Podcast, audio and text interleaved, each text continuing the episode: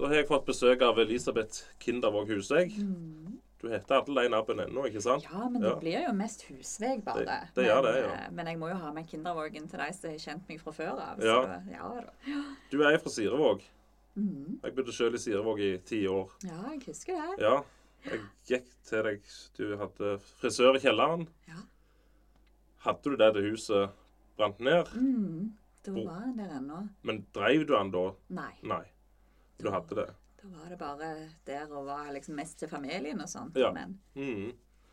Eh, det med brannen kommer vi gjerne litt inn på senere.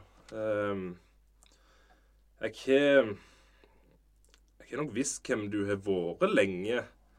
Eh, for jeg hadde en kompis fra Sire, eller jeg har en kompis fra Sirevåg. Han bor på nærme nå, og Darve Sirevåg. Mhm. Så det, det er jo det Kindervåg-navnet. Det bodde jo ikke så langt ifra der han bygde huset. Det er ikke så stor Sirevåg nå, ikke sant? Det er jo litt større nå, tross alt. Med ja, det, det er litt bygging hele veien. det er jo det. Stadig noe som kommer opp. Og det er jo veldig gildt, syns vi, at det- er vekst. Og, men eh, ja, det som er trøttende i Sirevåg, er jo at det er ikke boplikt. Så det blir jo mye fritidsboliger. Ja, Men likevel, det er jo liv, og det er godt for næringa, liksom. Så ja.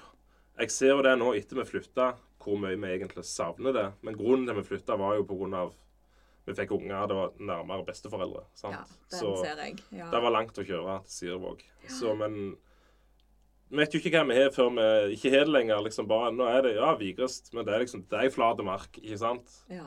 Og der var det jo Det var ikke langt ut, det var bare rett opp til Krigsmunn, ned til sjøen, liksom. ja. Og fine turområder og Ja. Ja. Det er jo vanvittig greit i Sirevåg. Mm. Vi syns jo det.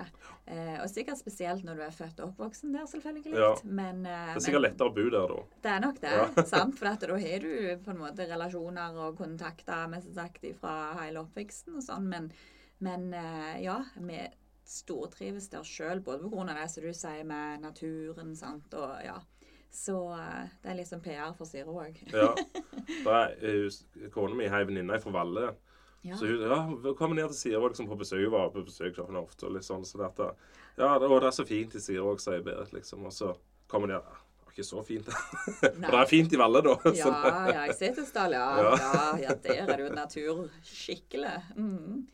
Og ehm, så vet jeg Jeg, jeg innbiller meg Jeg vet ikke om du kjenner vel gjerne Ingvar Walsgaard? Ja da. Ja, så jeg, det er nok litt der òg, for han har sikkert snakket om deg i en sammenheng. et eller annet sånt. Ja, Så jeg har liksom alltid visst hvem du har vært, og så begynner jeg jo å gå til frisøren hos deg. Ja.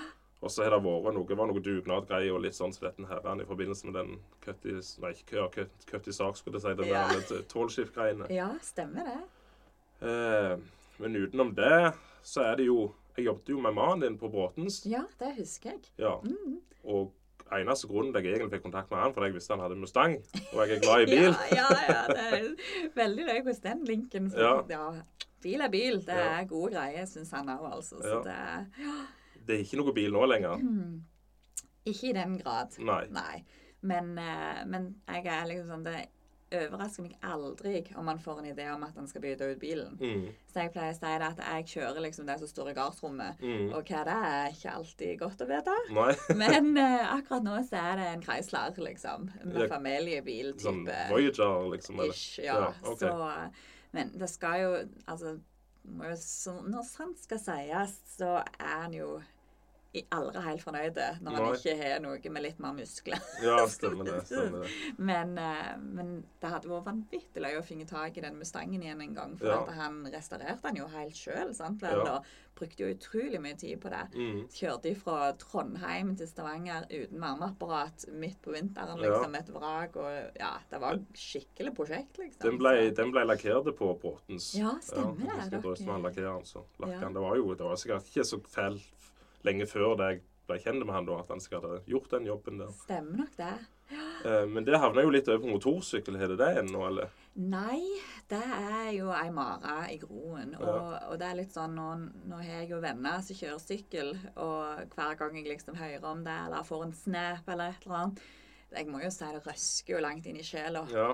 Så det kommer til å bli sykkel igjen. Mm. Det er det ikke tvil om. Eh, så det er litt sånn eh, Der står en, eh, en custom custom Sportster i garasjen der vi bor nå, Ja. som bror min har kjørt mye, og den trenger å veles litt, så jeg har sagt noe til deg hvis du selger den til noen andre enn meg, liksom. Ja. Så jeg må bare la mannen få litt ånd over seg når støvet legger seg litt i forhold til prosjektet nå. ja. Gjerne han gidder å fikse på den, og da kan jeg overta den, håper jeg. Mm. For den er liksom perfekt til meg, ikke så høy dame, og da er den så bra. Det er liksom en Sportster 1200 kubikk eller et eller annet Mm. sånt, og det funker så bra til meg. og det blir litt voldsomt med disse her kjempestore Mm. Road Kingene eller Softtail og sånne ting. Ja, ja. Altså. Men eh, ja, det var mange når vi kjørte sykkel. Hatt noen turer rundt i Norge, og siden han er fra Møre og Romsdal, så, så har vi jo vært oppe der og vært hos Mm. slekta hans, kjørt rundt og ja. Så det, det er jo helt nydelig. Nå Ja. er det tar det fly opp eller kjører det opp hvis det skal Eh, Ungene er voldsomt gode å kjøre, så nå har vi faktisk kjørt en del. Mm. Men nå forrige gang vi var oppe i jula, så er det jo klart at det, det er jo over 100 mil mm. en vei. Ja. sant? Så da tok vi Østlandet. Mm. For det som er så fantastisk når du skal til Molde-distriktet, er jo at da tar du Vestlandet, så er det jo flust av farge. Mm. Eh, men det er jo sånn greit med det stoppet der da, på Ja. fargene av og til, så ungene får strekke litt på føttene og sånn. Ja.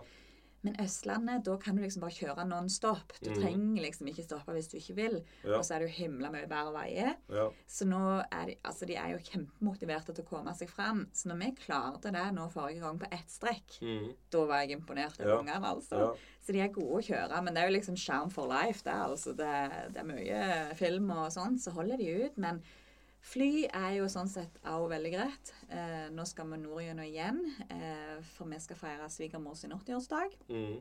Og da blir det fly. Ja. Så for det, det er jo litt mindre old. Ja. Det er det jo. Men det er jo liksom, da må du jo tenke bagasje og tenke begrensninger. og ja, så, ja, Det er fordel og ulempe. ja. Så hun hun er såpass oppi alder. Er han, er han litt attpåklatt, eller er Ja, på Ja. en måte. De var jo godt voksne, vil jeg si, når de fikk han. Mm. Da var svigermor like gammel som jeg er nå. Ja, Så når jeg tenker- ja, med ja. Da! Så jeg må jo si at det er jo vært en bragd for henne uh, Mm. å få smått igjen. Hun, han har jo fire eldre søstre, da. Mm. Så eh, ja da, så han bodde mye. Bodde jo en stund eh, hjemme alene etter de flytta ut. Så, mm. Mm. så svigerfar er jo ifra Varhaug. Så det er litt spesielt. Ja vel. Ja. Så du ser for deg eh, Det er en av de gårdene som ligger ned med veien. Den som har den der Havanna-sklia i hagen som vi ser Ja, fra er riksveien. husvegg, eller? Yes. Ja, okay. Det er heimegården til svigerfar. Sier du det? Og så etter krigen, for han er jo født på 30-tallet, Ja. og så ja, da var det jo veldig billig å kjøpe seg jord eh, nordpå da i landet. Mm. Så da eh, fant han ut at han Ja, så hadde han jo truffet svigermor som var der oppe ifra og sånn. Eh, og det er faktisk veldig mye jærbuer i området. Mm. Så de deler litt på jærbladet der oppe, liksom. Han har naboer som heter Kvassei, og liksom så, eh, så da var jo det litt sånn stilig at jeg traff en mann eh, som var nordante, men likevel så er han hele farsslekta på Jæren. Mm. Og så er mor mi der oppantifra. Så når vi er der, så kan jeg treffe min slekt på morssida. Så dette er akkurat som det var planlagt. ja, ikke sant? Ja, det er så mye mindre bry med en gang, så Har han sett sånne her Varhaug-filmene? For de er jo spilt inn på den gården der. Han, er- Nei, det, det, er noe, jeg det er noen sånn humorfilmer sånn, Ja. med noe meieri og slakter og noe sånn. Jeg har sett dem på VHS, og du er ikke klar over hvor dårlig kvalitet det er på VHS, for du ser det igjen. At det er løye at vi klarte å se på det i det hele før. For det er så vidt du klarer å se hva, hva som egentlig foregår. Jeg lurer på om det Jeg kjenner det ringer i bjødla Ja. der baki om de filmene der. Han har ikke sett de. Det er jeg Jeg tror de har fått de over på DVD Ja. i familien til kona mi. Ja. Så hvis han er interessert i å se det, så skal jeg absolutt skaffe det til meg. Men det jeg mener på det, er den gården der han, der han eh, Han er, er Trygve Ja, som bor der? det ja. ja. Det er ikke så langt ifra. Nei. Det er naboen med kompisen min, Gurd. Han bor utenfor der. Han, Ja, stemmer. Ja. Ja, så det var det. Men jeg mener på han uh, Gudmund Bodde ikke han uh, sjonkelen sin eller noe sånt på Gandal? Ja. I de tiende det traffs eller noe sånt? Mm, Ja. Stemmer det. Da le- ledde han i kjelleren ikke dem. De hadde Ja. leilighet der, og så hadde han jo en svær garasje tilgjengelig. Så Mm. når jeg traff han, så var det jo helst livet hans besto i å skru bil. Ja. Ja, så det, det var liksom langt hår og ja, mye badle, og satt Ja. ute i den garasjen og fikk gang på disse bilene, liksom. Og det var jo Altså, han var skikkelig der, liksom. Er, Så er, det, er det onkel på mor eller fars side? Er det det faren? Det er en, en yngre bror, ja, på, på svigerfars side. Ja, ja. Så, eh, så de har en stall og mye forskjellig der, da. Men eh, ja, så de, eh, det er vel for så vidt den onkelen og tanten vi har mest med å gjøre her på Jæren, da. Det er Mm. de. Så der bodde han. Skummelt for han med langt hår å finne seg ei som er frisør, da. Ja, du vet, Ja. det ble jo litt ironisk. Ja. Ja. Nei, så han har jo aldri brydd seg om sånt. Med Nei. hår og sånn, som av og til mor liksom klipte litt i det med kjøkkensokser når han var hjemme, liksom, hvis det Mhm. ble for langt. Mm. Men, eh, men du vet at da, plutselig en dag så fikk han for seg at han skulle klippe det av seg, da. Mm. Eh, og da, da var det liksom sånn når jeg traff folk, så bare de kjente han jo nesten ikke. Så det var mest som jeg gratulerte deg med ny mann, liksom. Ja. Sånn, For det, Men han passet kort hår òg, så Ja, han er skikkelig fin med det òg. Men eh, på bryllupsbildet så har han jo kjempelangt hår i hestehale, liksom. Og, og hatten på hodet. Og cowboyhatten. Han kjøpte jo dressen i USA, vet du. Ja. Så, så eh, nei, så det var der er, Ja, ting skjer, sant. Og håret forsvant. Men nå er han jo veldig langt skjegg, da. Mm. For at han har et veddemål med ungene at han ikke skulle ta skjegget før nytt hus sto oppe. Så jeg vet ikke hvor happy jeg er med det skjegget. Nei, nei. Men jeg er vant til Ja. ja, du er Vi kommer som sagt sikkert inn på det huset igjen senere, men uh, hva var jeg skulle sagt? Du, du kan fortelle litt om deg sjøl, bare liksom oppveksten. Hva, hva, Mm. hva gjorde du i oppveksten? Hva interesserte deg, og hva, hva Hvorfor ble du frisør, og hvorfor Ja. Ja, hvor skal vi begynne? Ja. Eh, jeg har jo vokst opp eh, med en far og en mor i Sirog. Og far min var jo fisker. Mm. Og han var jo det som jeg mest vil definere som ikke helt tamme. Mhm. Så eh, du vet Hadde han vokst opp i dag, så hadde han sikkert fått all slags ADHD-diagnoser. vet ikke jeg, liksom. Mm. For han var jo ganske galen. Mhm. Men, eh, men det likte jo jeg veldig godt. i Ja. Den sida å ha vokst opp med en far som kappkjørte hjemme fra skolen. og Altså, det var helt uh, spant rundinger på glatt, og ikke si det til mor di, liksom. Og, sant, og mye sprell. Og så har vi mamma, som er tålige. mm. uh, og liksom Ja, de var veldig forskjellige. Men vi har alltid hatt sånn heim der alle var velkomne, liksom. Altså, far min satt i garasjen og røykte med hvem det måtte være. Drakk kaffe, liksom. Så jeg har jo vært vant med at en dag så kunne på en måte fiskerne sitte der og, og løse litt verdensproblemer, liksom. og Eh, Neste dag kunne det være noen eh, mer tvilsomme som var innom og skulle ha noe fisk du skulle Ja, kjøpe. Og ja. de også så like godt det Ja. de. Og, liksom, og så kunne det være bedehusfolk en dag. liksom. Altså, det var liksom alt mulig. Mm. Eh, og så var han Vi har alltid liksom hatt enormt mye sånn musikk i heimen. sant? Og han var sikkert den første i Sirevåg som kjøpte sånn svært anlegg i stua med Ja. Og jeg husker når vi laget på kvelden i helgene, så hadde de folk, og det var bånn gass med noen musikkvideoer av noe sørstats gospel, full fres. Mm. Så du vet at vi fikk jo ikke sove, liksom. sant? Det bare lå og dundra der nede i stua med, med anlegget, da. Så det, er nice. i oppveksten min så var jeg eh, veldig forskjellig i grunnen i forhold til kanskje mine venninner som vokste opp i mer det samme miljøet som meg, med bedehus og den kulturen og sånn. Så jeg var jo ganske raskt ute med å ta mine første tatoveringer Mm. og liksom veldig litt sånn piercing og alt dette her. Og det var jo ikke så ofte vi så i mitt, eh, mitt gode bedehusmiljø, da.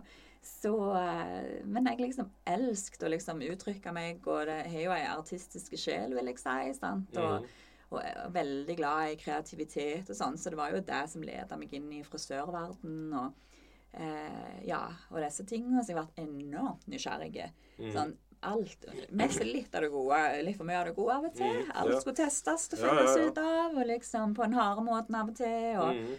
Eh, og i grunnen så er jeg sykt glad for at far min var fisker reiste til sjøs da han liksom var 16 år og har vært ute i den store verden. Mm. For at, at da forsto han litt mer min urge mm. til å komme meg ut. For det har Mhm. vært litt for lite av og til i Sirevåg. Litt for Ja, lite. lite. Og, ja. ja, så du måtte liksom ut og, ut og forske i den store verden. Og reiste til USA da jeg var 16 år og bodde der et år. og har liksom vært litt rundt forbi, bodd rundt forbi landet og ja, truffet sjukt mye forskjellige folk og fått så mye kule relasjoner opp igjen. Og liksom ja, litt sånn rastløs sjel i begynnelsen der, da. Mm. Eh, men jeg var veldig glad i sang, musikk, og liksom elsket å fikse hår på venninnene mine, og, og litt den der. Men, eh, men jeg husker jo at det var litt sånn eh, kjipt av og til, for det var så mye som skjedde typisk typiske i gjengen på Ogna. De gikk liksom i kor, og de hadde sånn jenteforeninger og sånt. Men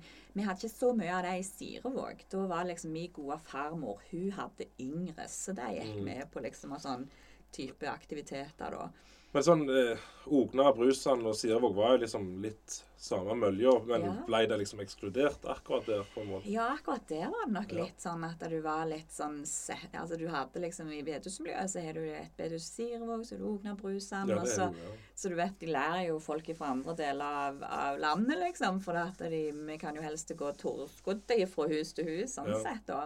Um, men jeg kjeda meg veldig ofte på Mm. bedehus og sånn. Syntes Ja. det var dritgørr å gå på møte og liksom disse tinga, da. Men eh, far min var jo engasjert i det, og jeg husker at da hjalp det veldig på. For at da Han var jo som sagt ikke helt tamme, så det ble jo ofte liksom eh, skjemt alvor hånd i hånd, da. sant? Mm. Og jeg snakket med ei Vigrestad, og hun sa liksom at hvis far min leda møtet og hadde liksom ansvaret, da kom de ungdommene der, for at Mm. da var det gang, Ja. liksom. Så, eh, så jeg husker liksom de hadde jo inne disse trekkspillklubben som er her fra Vigrestad. og og her, jeg tror han fikk til å spille den samme sangen tre ganger en gang, liksom, fordi han syntes den var så svær. Ja, ingen får gå hjem før de har tatt den en gang til. liksom. Så, ja, var, det var litt sånn eh, Men likevel så var han liksom eh, veldig nøye nå på ting, sant, og, og ja Visste hvordan vi skulle ha det, og fantes ikke i noe tull, liksom. Skulle gjøre Mm. leksene, og ja, Mm. liksom sånn. Og han hadde jo et enormt temperament, Mm. så det var ikke bare bare. Men du visste iallfall hvor du hadde han. Ja, ja. ja. Nei, også mamma hun har jo vært lærer hun i alle år, så hun har jo vært mer sånn det som du kanskje kan kalle for ei karrierekvinne i Mm. sin tid. sant? De fleste Mm. andre mødrene til mine venninner gikk jo hjemme. Mm. Så, men, eh, men hun valgte det yrket, for da hadde hun alltid fri i skoleferiene og sånn. Så vi har jo vært heldige Ja. der, da. Ja. Så, eh, men eh, ja. Vet ikke hvor mye mer det er å si om bakgrunnen og sånn, men Nei. ja. Hva, mm, du var inne på tatovering. Hva, hva tatoveringer har du? Ja. Eh, jeg eh, sa til de som jeg bodde med i USA, at jeg hadde fått godkjent å ta noe tattoos, men jeg hadde jo ikke det da. Nei. Så de var med meg, og den første jeg Når du var 16? Ja. ja. Eller kan være jeg hadde bikka 17 da. Ja.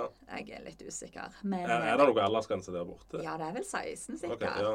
Sikkert det. Eh, I sin tid, da. Dette er jo mange herrens år siden nå, da. Men eh, Så da var vi og tok en på foten, og det er et kors-ish. Med ei rose i midten, og så har jeg jo en sliv, og så har jeg noe på ryggen, og noe i nakken, og noe på den andre armen, noe på den andre foten, og Mhm.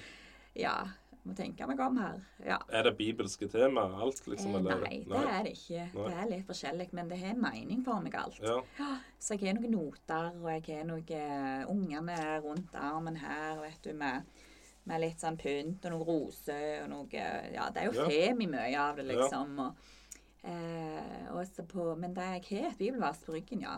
Eh, for det har betydd mye for meg, så det tok jeg. Og Mm. Så? Det er Efeserne 2,8. Mm. Og det handler om at for av nåde er dere frelst ved tro. Det er ikke av dere selv, men en Guds gave. Mm. Og det betydde mye for meg. At Ja. dette er en gave, og du presterer ikke så mye når du skal ta imot en gave. Det er bare å ta imot og åpne den Mm. opp. Ja. Og det har jeg gjort. Så Ja. da er det gode greier. Ja. ja. Nei, da så har jeg et anker på foten, og jeg har ikke tegnet det sjøl og alt. Og liksom. ja. Så det Nei, det åh, Hadde jeg hatt litt mer uh, Litt mer grin, så skulle jeg tok mye mer. Jeg syns det er helt fantastisk. Jeg, jeg òg hadde mye planer om tatovering, men jeg har sleit meg til ro med den ene jeg har. Det, Ja, det heller. det mannen min er jo helt motsatt. Så ah, ja. han er jo ingenting. Hun har aldri tenkt seg det. Mm. Så jeg tenker at enten er du der, men Ja. nå sier han at han er en av de sjeldne som ikke har. Mm. For de fleste har jo gjerne hatt det. Men, men jeg husker den ene jeg skulle ta, det var i Thailand. Eh, når vi var på en sånn backpackertur der en gang en gjeng på en måneds tid. Og så så var det altså sånn at det var ett om natta da. Mhm. og da fikk jo meg for meg jeg skulle spankulere inn på denne her ene sjappa der, da. Mm. Og da husker jeg at jeg ikke hadde etes i lunsj den dagen. Og så var det jo sånn 30-40 grader. Og så, så husker jeg når han begynte å tegne det og holde og sånn med nåla der. Og litt vondt er det jo, kan du si. Ja, men det var ikke så gale der, da. Men så hadde jeg sagt til hun som var med meg, da, at jeg skal bare hvile litt. Mm. Så hadde jeg lagt hodet bak, og så fikk hun svar på meg. Ja. Så da lå jeg i himla med øynene, liksom. Da hadde jo jeg svimt av. Ja. Så det, men jeg var så uthvilt etterpå, så da holdt vi jo gående en stund til. Så det, nei, så det liksom, har jo noen storyer, da. Er, er, er det den fedla der med at du ah, Første dagen i et varmt land, nå skal jeg tatovere meg, så kan du ikke gå i sola resten av de to ukene? Eller var det på slutten av vet du hva, jeg har lært det. At Mm. du må ikke gjøre det i begynnelsen. Så det at, eh, men jeg tror knapt jeg, Altså, jeg tok noe i Norge, men mesteparten jeg tok i utlandet. Ja. Helst i USA, da. Eller Ja, det er jo svindyrt i Norge, da. Jeg Men- tok, jeg tok den her eh, longhornskøllen jeg har på armen. Der, ja. Den tok jeg i Houston, Texas, siste dagen. Scorpion Studio. Så, sånn 500 kroner, det var ikke mye penger. heller, så det- Nei, nei, det, nei. men ja, jeg, jeg har jo tenkt på sleeve, sånn, sånn rockabilly og noter og alt dette der. Kult. Men så hadde jeg noen kompiser, plutselig var de plastra med tatoveringer. Så «Ah, hvorfor, hvorfor skal jeg, liksom? Ja, hva er vitsen, liksom? Ja. Nei, jeg tok, også, en- jeg tok en i New York en gang. Eh, og da husker jeg at vi Da har de jo ei hel gate der med bare tatoveringssjappe. Ja. Så da var det bare å finne den som kunne liksom ta, ta først, først og, fort og gale. Eh, og da kom jeg inn, og så tok det så sykt lang tid i forhold til de hadde lovt dere. Mm. Så skulle vi på musical på kvelden. ja. Så jeg husker at da når han var tatt, så var det bare å hive på seg genseren og, og hive på seg sekken på ryggen, der du mm. akkurat hadde tatovert, og sprang seg galne liksom, for å rekke. Vi hadde bestilt limo og alt liksom, og skulle på denne musicalen. Og jeg bare husker vi kom liksom svette fram til hotellet liksom, og måtte sette dere rett inn i limoen, og de andre hadde jo pynta seg og stæsja seg til denne her musikalen. Ja, det var litt nedtur, men det var skikkelig bra musikal uansett. Hva var det? Det var Lion King. Å ja. Ja, det, jeg tror det var det. ja. Ja, det vet jeg noen år siden, Ja. men eh, ganske sikker på det var det, ja. ja. Veldig kjekk opplevelse å være i New York òg, da. Ja. Mm. Jeg New York har liksom aldri vært noe for meg, men nå, nå i seinere tid så er det bare plutselig Der skulle jeg absolutt vært. Ja. Og hun, kona mi er òg gira, for det er en plass hun òg vil treffe. Det var Times Square, eh, Mm. Chur- Church eller et eller annet sånt. Hun ville vært Jeg vet ikke, Ja, jeg vet ikke om det var det det het, men ja, Nei, men vi har jo utrolig mye å by på. Eh, og så er det jo veldig spesielt. Jeg bodde jo i USA eh, rett etterpå Twin Tower-tragedien med terroraksjonen der og sånn. Så jeg husker liksom veldig godt at det var sånn ettårsmarkering og, og sånn. Eh, så jeg har jo vært på Ground Zero og sånt når de ennå ikke hadde bygd opp det nye tårnet og sånn. Men ja, eh, veldig spesielt i New York, da. Ja. Hva sa bodde, du- bodde du i New York da? Nei, nei, da bodde jeg på andre sida av statene, da. Ja, I California, eller? Eh, rett opp før California, Ja. i Oregon, Ja. som det heter. Ja, Så hvis du sitter Bonanza ja, Ja, Ja. sånn var det. ja. Ja. Det er, jeg, ser, jeg har sett litt på Louis Theroux, det er sånne dokumentarene. Oregon er vel et av de mest snodige landene til det kommer til sånn Nei, landene, sier plassene til det kommer til ja, ja, sånne ting som Louis Theroux ja. tenke på, liksom. ja. Nei, det var en veldig spesiell stat. For at Ja. du har liksom kysten som er akkurat som Norge, Mm. med, med kystlinjer og skog og sånn, og så bare bang, så er du i ørkenen, liksom. Mm. Du ser jo på en måte Å, der stoppet treet nå, liksom. Mm. Så, eh, så da går du over i mer sånn, der, sånn skikkelig bonanza.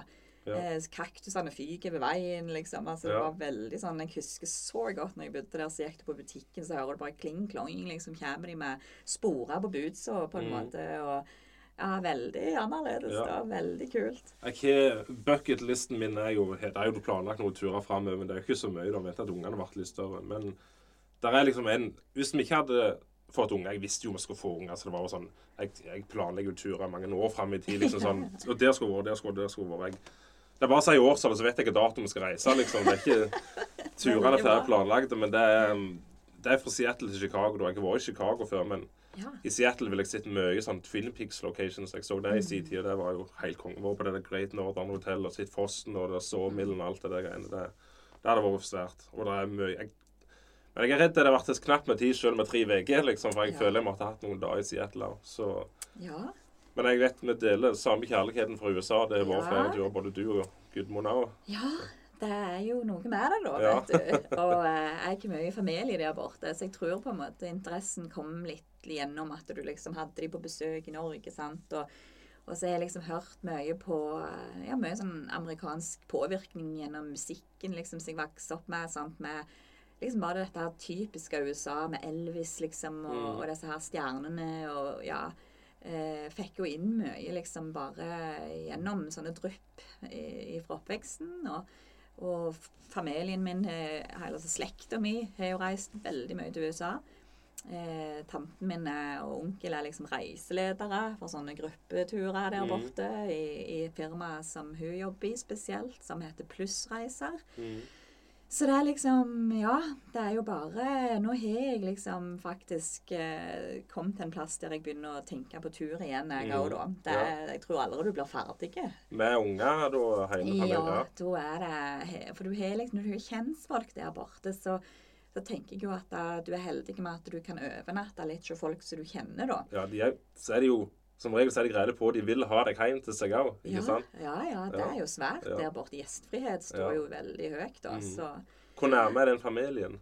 Eh, min egen familie, da, som, eh, som blod, blodsrelasjonen på en måte sånn, det er jo i Chicago-området eh, spesielt. Og så har du Michigan og sånn. Men så har jeg liksom de som jeg har bodd med når jeg var ungdom og sånn, de er jo på vestsida. Mhm. Eh, og da er det jo Oregon og California og ned og der, da. Så jeg føler jo mest det er som, som eh, ja, familie, familie det er òg, da. Men eh, Så du har liksom flere du kunne, kunne tatt en tur til, da. Ja, Mm. men er det sånn fjerne, fjerne, fjerne slektning sånn egentlig, sånn som amerikanere? Det er altså Eh, Det er søskenbarna til pappa. Det er så nærme, Ja, ja. ja. eh, Og tanten til pappa. Hun mm. eh, lever ennå, faktisk. Hun er jo godt voksen, men skikkelig ungdommelig og fresh. Så, Mhm. så de var jo en hel gjeng som kom i sommer, var de her. eh, Så de er gode å besøke den norske familien òg. Så jeg var der når jeg har vært hos de og, og sett hvor de bor og, og sånn tidligere òg. Ja, nei, det er, det er jo helt fascinerende å bare være en del av dagliglivet til folk som Mm. lever i et eh, Ja, jeg syns de har mye bra i statene. Mm. Det er jo selvfølgelig begge deler der òg, Ja. men eh, det er helt spesielt. Det er liksom Nordmenn som ikke har vært i USA og ikke har en kjærlighet for USA, forstår ikke at det, det du ser på nyhetene, er ikke folk i USA. Nei, nei. Nei. Nei, nei, nei. Altså, jeg må jo le Altså, pff, altså må jo ikke forholde seg til media noen gang. Nei. Altså, det er jo uansett nesten hva det gjelder, skulle jeg Mm. si. Altså, det er litt sånn Vil du bli lurt, så kan du se på TV 2 og NRK Ja. og VG og Dagbladet. Nei da. Men Der er, der er to sider der borte, men. Ja. De fleste jeg har truffet på begge sidene, er skikkelige folk. ja, Så det er absolutt. Ja, du har jo disse, det er så vanvittig mye folk Mm. der borte at selvfølgelig så vil du jo da finne noen sånne ekstremtilfeller. Ja, selvfølgelig. Og det gjør du her òg. Ja, nettopp. Men det, det er liksom sånn ja, litt sjeldnere gjerne når det er færre folk, liksom. Ja. Så, så it makes sense for meg. Sant? Ja. At, eh, og så det er jo liksom den der eh, Det som jeg liker veldig godt der borte, er den der stå-på-viljen, da. Til å Mhm. liksom De kaller det jo for the American dream, sant. Mm. Men, men det der er nå òg liksom eh, Ja, nei, det, jeg syns det er veldig mye bra verdier. Mye mm. gode holdninger blant folk flest og sånn. Så eh, ja. Det, Ja, de, de vil jo bare seg sjøl og familien godt, de fleste. Så. ja. ja, jeg må si det. Ja. Ja. ja Nei, hun, hun eh, Berit hun òg har familie der borte. Det er fjerne, litt mer fjerne familier. De har vi òg besøkt i, i California. Hun, hun med overnatta så hun Da var en gammel dame. Jeg var sikkert over 80 år når vi var der. Ja. Og det var bare jeg, Når det skal i Disneyland, så må du bare komme her først. Men jeg skal vekke hele dagen. og det skal jo det òg. Men bare kom, så får du nøklene. Sånn. Aldri sittende før. Her er nøklene til huset. Vi snakkes, jeg reiser. Ha det, liksom. Og så, Det må bare reise tilbake. Og, for Vi skulle bort og se lysshow i Disneyland senere på kvelden. Så var vi der og slappet av i en time og to før vi reiste tilbake igjen. Mm. Men hun kom ikke hjem hun var ikke hjemme før vi hadde lagt dere igjen. liksom. Så hadde lagd frokost til dere sånn om morgenen. Skikkelig gjestfrihet, som du sier. Ja. Og så han besøkte døtrene hennes litt sånn i Redlands og i Fellen, var det det det heter? Ja. Midt ute i ørkenen. Rei på hest, Mustang og quarterhorse ute i ørkenen med blant Joshua-tre og alt sånt. Så det, ja. Nei, det var kjempestilig. Åh, det klør jo litt i reise...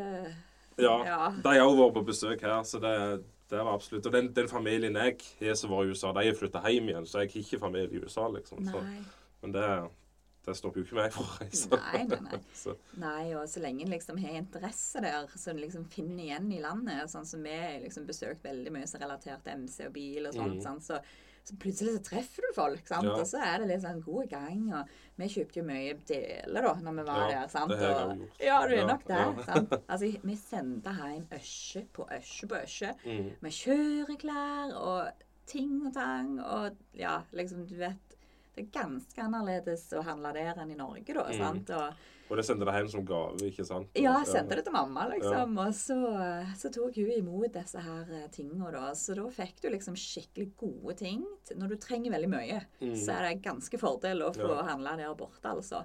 Så jeg er sikker på Nå har jeg jo ikke det nå lenger, men jeg er sikker på at jeg hadde 25 skjorter fra forskjellige Harl Davidson-butikker i Ja. hele USA, liksom. Mm. Så altså, hvis noen reiste forbi ei Harley-sjappa i Statene, så kan du være helt sikker på at de tok med ei skjorte til meg, for de Mm. visste at det var ei greie, liksom. Ja, Men eh, nei, vanvittig kjekke minner å tenke tilbake på. ja. Så Vi har var innom, alltid innom noen Harley-sjapper. husker Jeg Jeg og han og Darve Ja. Det var jo første turen vi var, og det var jo kun bil det gikk i. Og da, Ja. altså, men da var jo dollarkursen sånn Jeg skulle jo bare tok opp lån og kjøpt alle delene til den DeLorean jeg restaurerte. og sånn. Jeg hadde jo, det hadde gjort det 100 000 billigere, liksom. ikke det er så drøyt. Men uh, i forhold til sånn som prisningen ble, og iallfall det med frakt og det seinere Men da, var vi, da husker jeg, da kjørte vi litt Route 66, og da var vi jo i Tølsa på den Maya Sturen uh, Harley-sjappa som var der. Og så var vi, når jeg og Gurd og disse her var, da var vi i Toadsuck Harley i uh, Var det Bigelow Arkansas? Liksom, så. Mm. Ja, og flere selvfølgelig. Bumpus i, i, i Memphis. Ja. Så alltid innom og kjøpe noen T-skjorter noe sånt, selvfølgelig. De er Ja. dyre, da, men eh, Ja, det de, de, ja, de, de, de, de er skikkelige. Så Ja, det, er de. og jeg, jeg kjøper jo alltid Tar jeg med de slitneste underbuksene jeg har, så Ja. jeg nesten ikke med noe igjen av to, to av de Ja. og to par med sokker, så hiver jeg de der borte. Ja. Og kjøper nye og bare pakker opp underveis, liksom. ja, det er genialt. Må ikke ha mer bagasje bort, liksom. Nei, vet du ikke. Nei. Vet du ikke. For da må du ha det med hjem igjen òg, hvis, Ja. hvis du ikke hiver. Ja, det er bare å hive, hive alt etter bruk. godt, godt med noe nytt. Ja, ja, ja. Mm. Men uh, hvor, hvor traff du Gudmund, egentlig? Ja, det skal jeg si deg. Eh, Det var i grunnen en ganske sånn spesiell tid. For jeg hadde akkurat mista far min Mm. til kreft. eh, Og det var liksom veldig sånn sjokkopplevelse. For han eh, Det begynte i grunnen veldig sånn Bare for å fortelle det samtidig, for det legger litt grunnlaget for eh, liksom tida når jeg møtte Gudmund. Mm. For at da, Mor mi tenkte jo bare at far min hadde hatt et drypp, for han begynte å vase. liksom og sånt, og når han skulle ut og røyke, tok han og spurte etter bilnøklene istedenfor lighteren. Og litt sånn, og så viste det seg at det var en hjernesvulst, og så gikk det fem måneder, så var han død. Og da eh, var det jo veldig mye som raste inn i hodet på en tenåring, skulle jeg til si. Mm. Hvor gammel var du? Jeg var vel 19 da. Ja. Ja. Og så ehm, Og så hadde jeg en del sånn mindre gode opplevelser med litt karer, da, vet du. Så Mm. jeg hadde i grunnen bestemming for at nå er jeg så langt vekk ifra å ha noe interesse for eh, mann, mannfolk i det hele tatt. Og Ja. jeg var nok inne i en sånn state der jeg bare arbeidet som en idiot. Kunne sikkert arbeidet meg i hæl i den tida, og jeg tror nok når jeg ser tilbake at det var litt sånn flyktig fra virkeligheten, og ikke så gode dealer med, med den sorga i grunnen. Men Mm. Men så da, selvfølgelig, Mm. midt, midt i den eh, tida der Jeg hadde akkurat flytta til Stavanger, for jeg kjente jeg måtte ha meg litt luft under vingen igjen. Ja. Eh, så jeg fikk eh, dele leilighet med ei venninne. Og, og så var vi på en konsert på, Sørlandet, og der traff jeg en i familien min. Og han maste om en dude som jeg skulle ha møtt. Mm. Å, han hadde passet så godt til deg. Og ditt og datt. Og jeg ble surere og surere. og dette maset om den her karen, liksom. Ja. Eh, så da eh, Så han ringte til han og liksom eh, halvt telefon bort til meg. 'Si hei', liksom. Og jeg bare he-he. Liksom, ja, det var Åh, jeg var så lite interessert. Jeg gremtes med tanken liksom på å få type akkurat da. Men så endte det jo sånn som det av og til kan gjøre, da, at vi ble jo introdusert, og, og jeg husker at den kvelden jeg traff han, så holdt jeg på å få sjokk, for det at jeg hadde sett han før. Mm. Og jeg hadde lagt merke til den her karen. Ja. En gang så sto vi og fylte bensin på hver sin side av ei pumpe på Skjellen på Sola. ja. Og jeg sa til hun i bilen jeg tror bare går inn og kjøper noe snop, for jeg må se han der var dritfin. Ja. liksom. Og så husker jeg at han spilte jo tromme eh, i et sånn band som hadde musikk og sånt i Salem i Stavanger, som var sånn studentmiljø, veldig fint miljø, og gikk mye der i helgene. Eh, og da bare kommer han, liksom. Rock'n'roll, liksom, med lange hår. Og det var jo jeg litt sånn halsdrage for i sin tid, Mm. Og sånn. Så syns Det kan jeg klippe. Ja! Det var Ja, ja, ja. Nei da. Hadde en baktanke. ja. Nei, og så eh, Så det var liksom hadde skjedd fra før av. At jeg Mhm. hadde jo sett han. Eh, og så når da vi var på vei hjem fra Sørlandet, så fikk han jo viljen sin, han her duden som hadde merket, som kjente mannen min. Og vi kom liksom og skulle treffe han, på han bodde på Gandal med disse som jeg nevnte på. Mm. Og så var det is på en parkeringsplass, og jeg kjørte. Så hadde vi liksom akkurat på en måte tok av selene og sånn, så drar jeg han på håndbrekket. Så de velta jo rundt i bilen, de andre, og jeg kom så på låten, for den var Ja. så løye. ja. Og så, så jeg sto jo i grunnen for jeg var overtrøtt, hadde ikke sovet liksom, og fikk fjoll og liksom. Og, og så eh, ser jeg den der pickupen som han kjørte. Husker du den røde pickupen? Hadde han den i sin tid? Nei. Eh, nei, jeg kan ikke minnes den. Jeg bare tenkte om du husker den ifra dere jobbet i lag, da. Men eh, det var jo en tidligere sånn redningsbil-type pickup, da. Mm. Så han var jo kutta bak på planet litt, og litt sånn masse lys og styr. Og, Ja. og den husket jeg jo ifra den der Skjellen-episoden. Ja. Så ser jeg den kommer kjørende. Ja. Og jeg bare Kødder du ikke? Og så var det han. Og der står jeg og lærer seg å grine, vet du, av at disse her vært så fortumla i bilen. Og så bare følte meg så fjortis. Og så Og da ble vi introdusert. Um, og så var det jo sånn at jeg arbeidet som sagt veldig mye, og da sto jeg på en bensinstasjon i tillegg til at jeg gikk på skole, så jeg husker at jeg jeg slutta på skolen og bare skifta i bilen på motorveien for å rekke jobb mm. i uniformen, skulle jeg til å si, på denne her SO-en til, til tida. Men hun var så hyggelig, hun som sto før meg. For hvis jeg ble forsinka i rushet, så bare venta hun til jeg kom, liksom. Mm. Så hun visste at jeg trengte å jobbe, liksom. Og trengte Ja. pengene. og ehm, så det, det holdt jo jeg på med. Men så endte det opp med at da, når han jobbet nattskift, mm. så slutta jo meg og han rundt midnatt begge to. Ja. Og da pleide han med å komme, for dette var jo en ganske sentral plass i Stavanger jeg sto. Så det var jo Mm. litt sånn spooky av og til når eh, Ja. ja, ja, selvfølgelig. ja, Ja. så var det jo nimmest. Det var jo Kjensvollkrysset, liksom. Og der var det jo Rante de jo på jobb nå, liksom. Så, så jeg var litt sånn at da Når du står der alene Så jeg setter så pris på at han kom og hengte med meg når jeg Mhm. skulle lukke der og, og sånn og sånn. Så jeg begynte å få litt interesse for han og Eh, men, eh, men nei, så var jeg litt sånn der Nei, nei, nei, jeg vil ikke, liksom. Men så ville jeg jo, og så og så husker jeg at da, han hadde liksom lufta det da, om det kunne liksom være noe måke, da. Og så husker jeg sånn Nei. Og så bare kjente jeg nå har jeg gjort noe dumt.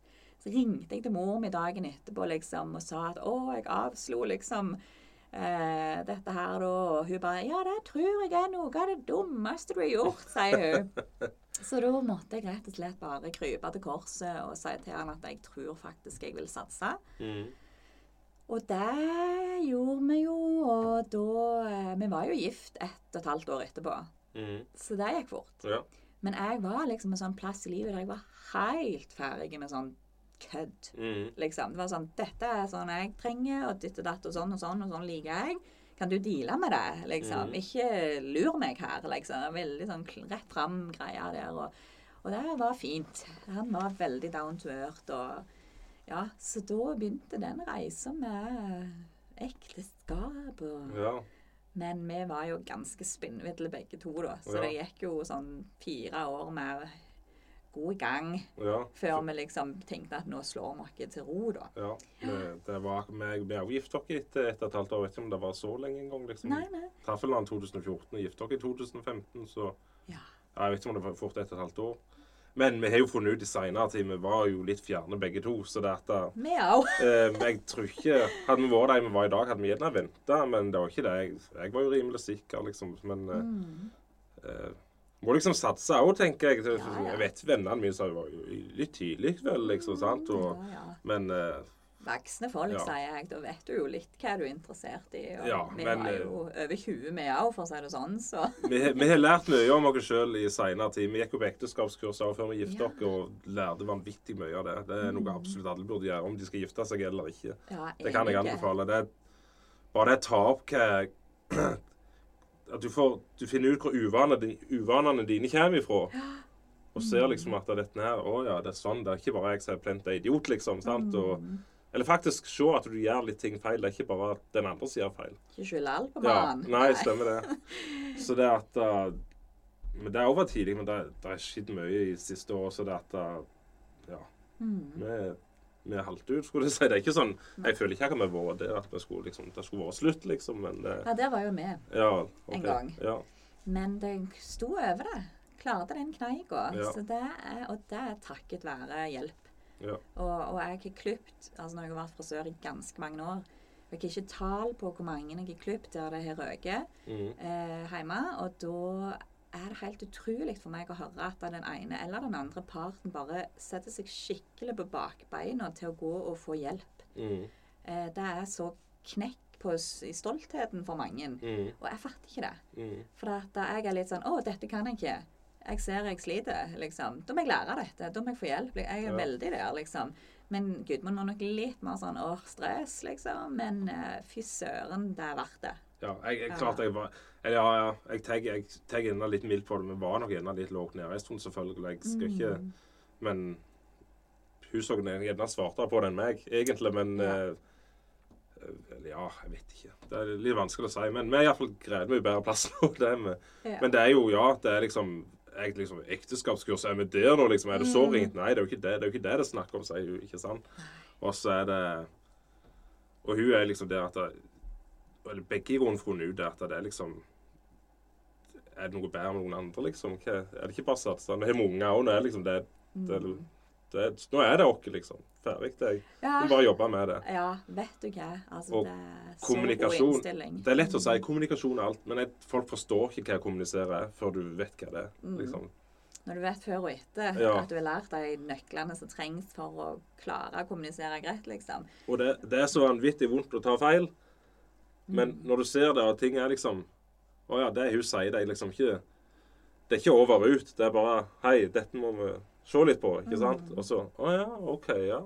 Og hvor mye bedre det er etterpå, liksom. Det er helt og hvor mye lettere det blir å snakke etterpå. Mm, du, du rydder jo vekk og får litt bakkekontakt gjennom sånne stormer, tenker jeg. Ja. Eh, og lærer Altså, du kommer jo enda mer på dypet, vil jeg Mm. si. Sant? Du liksom lever i sånn overflatisk vas, på en måte, så driver Husveg AS i lag, og that's Mm. it, liksom. Så, men jeg tenker at når du står i det, altså, så, eh, så kom, får du en helt annen dybde. Ja, jeg, jeg skrøt jo før. Ja, vi krangler jo aldri. Det er det dummeste jeg har sagt. Men altså, vi, vi, altså, vi gjorde jo ikke det heller, og det er jo helt idiotisk. Vi burde gjort det. Ja, det er Og vi burde kun krangle, Ja, liksom. sant? men Det kunne vi sikkert ikke da, men vi kan det nå.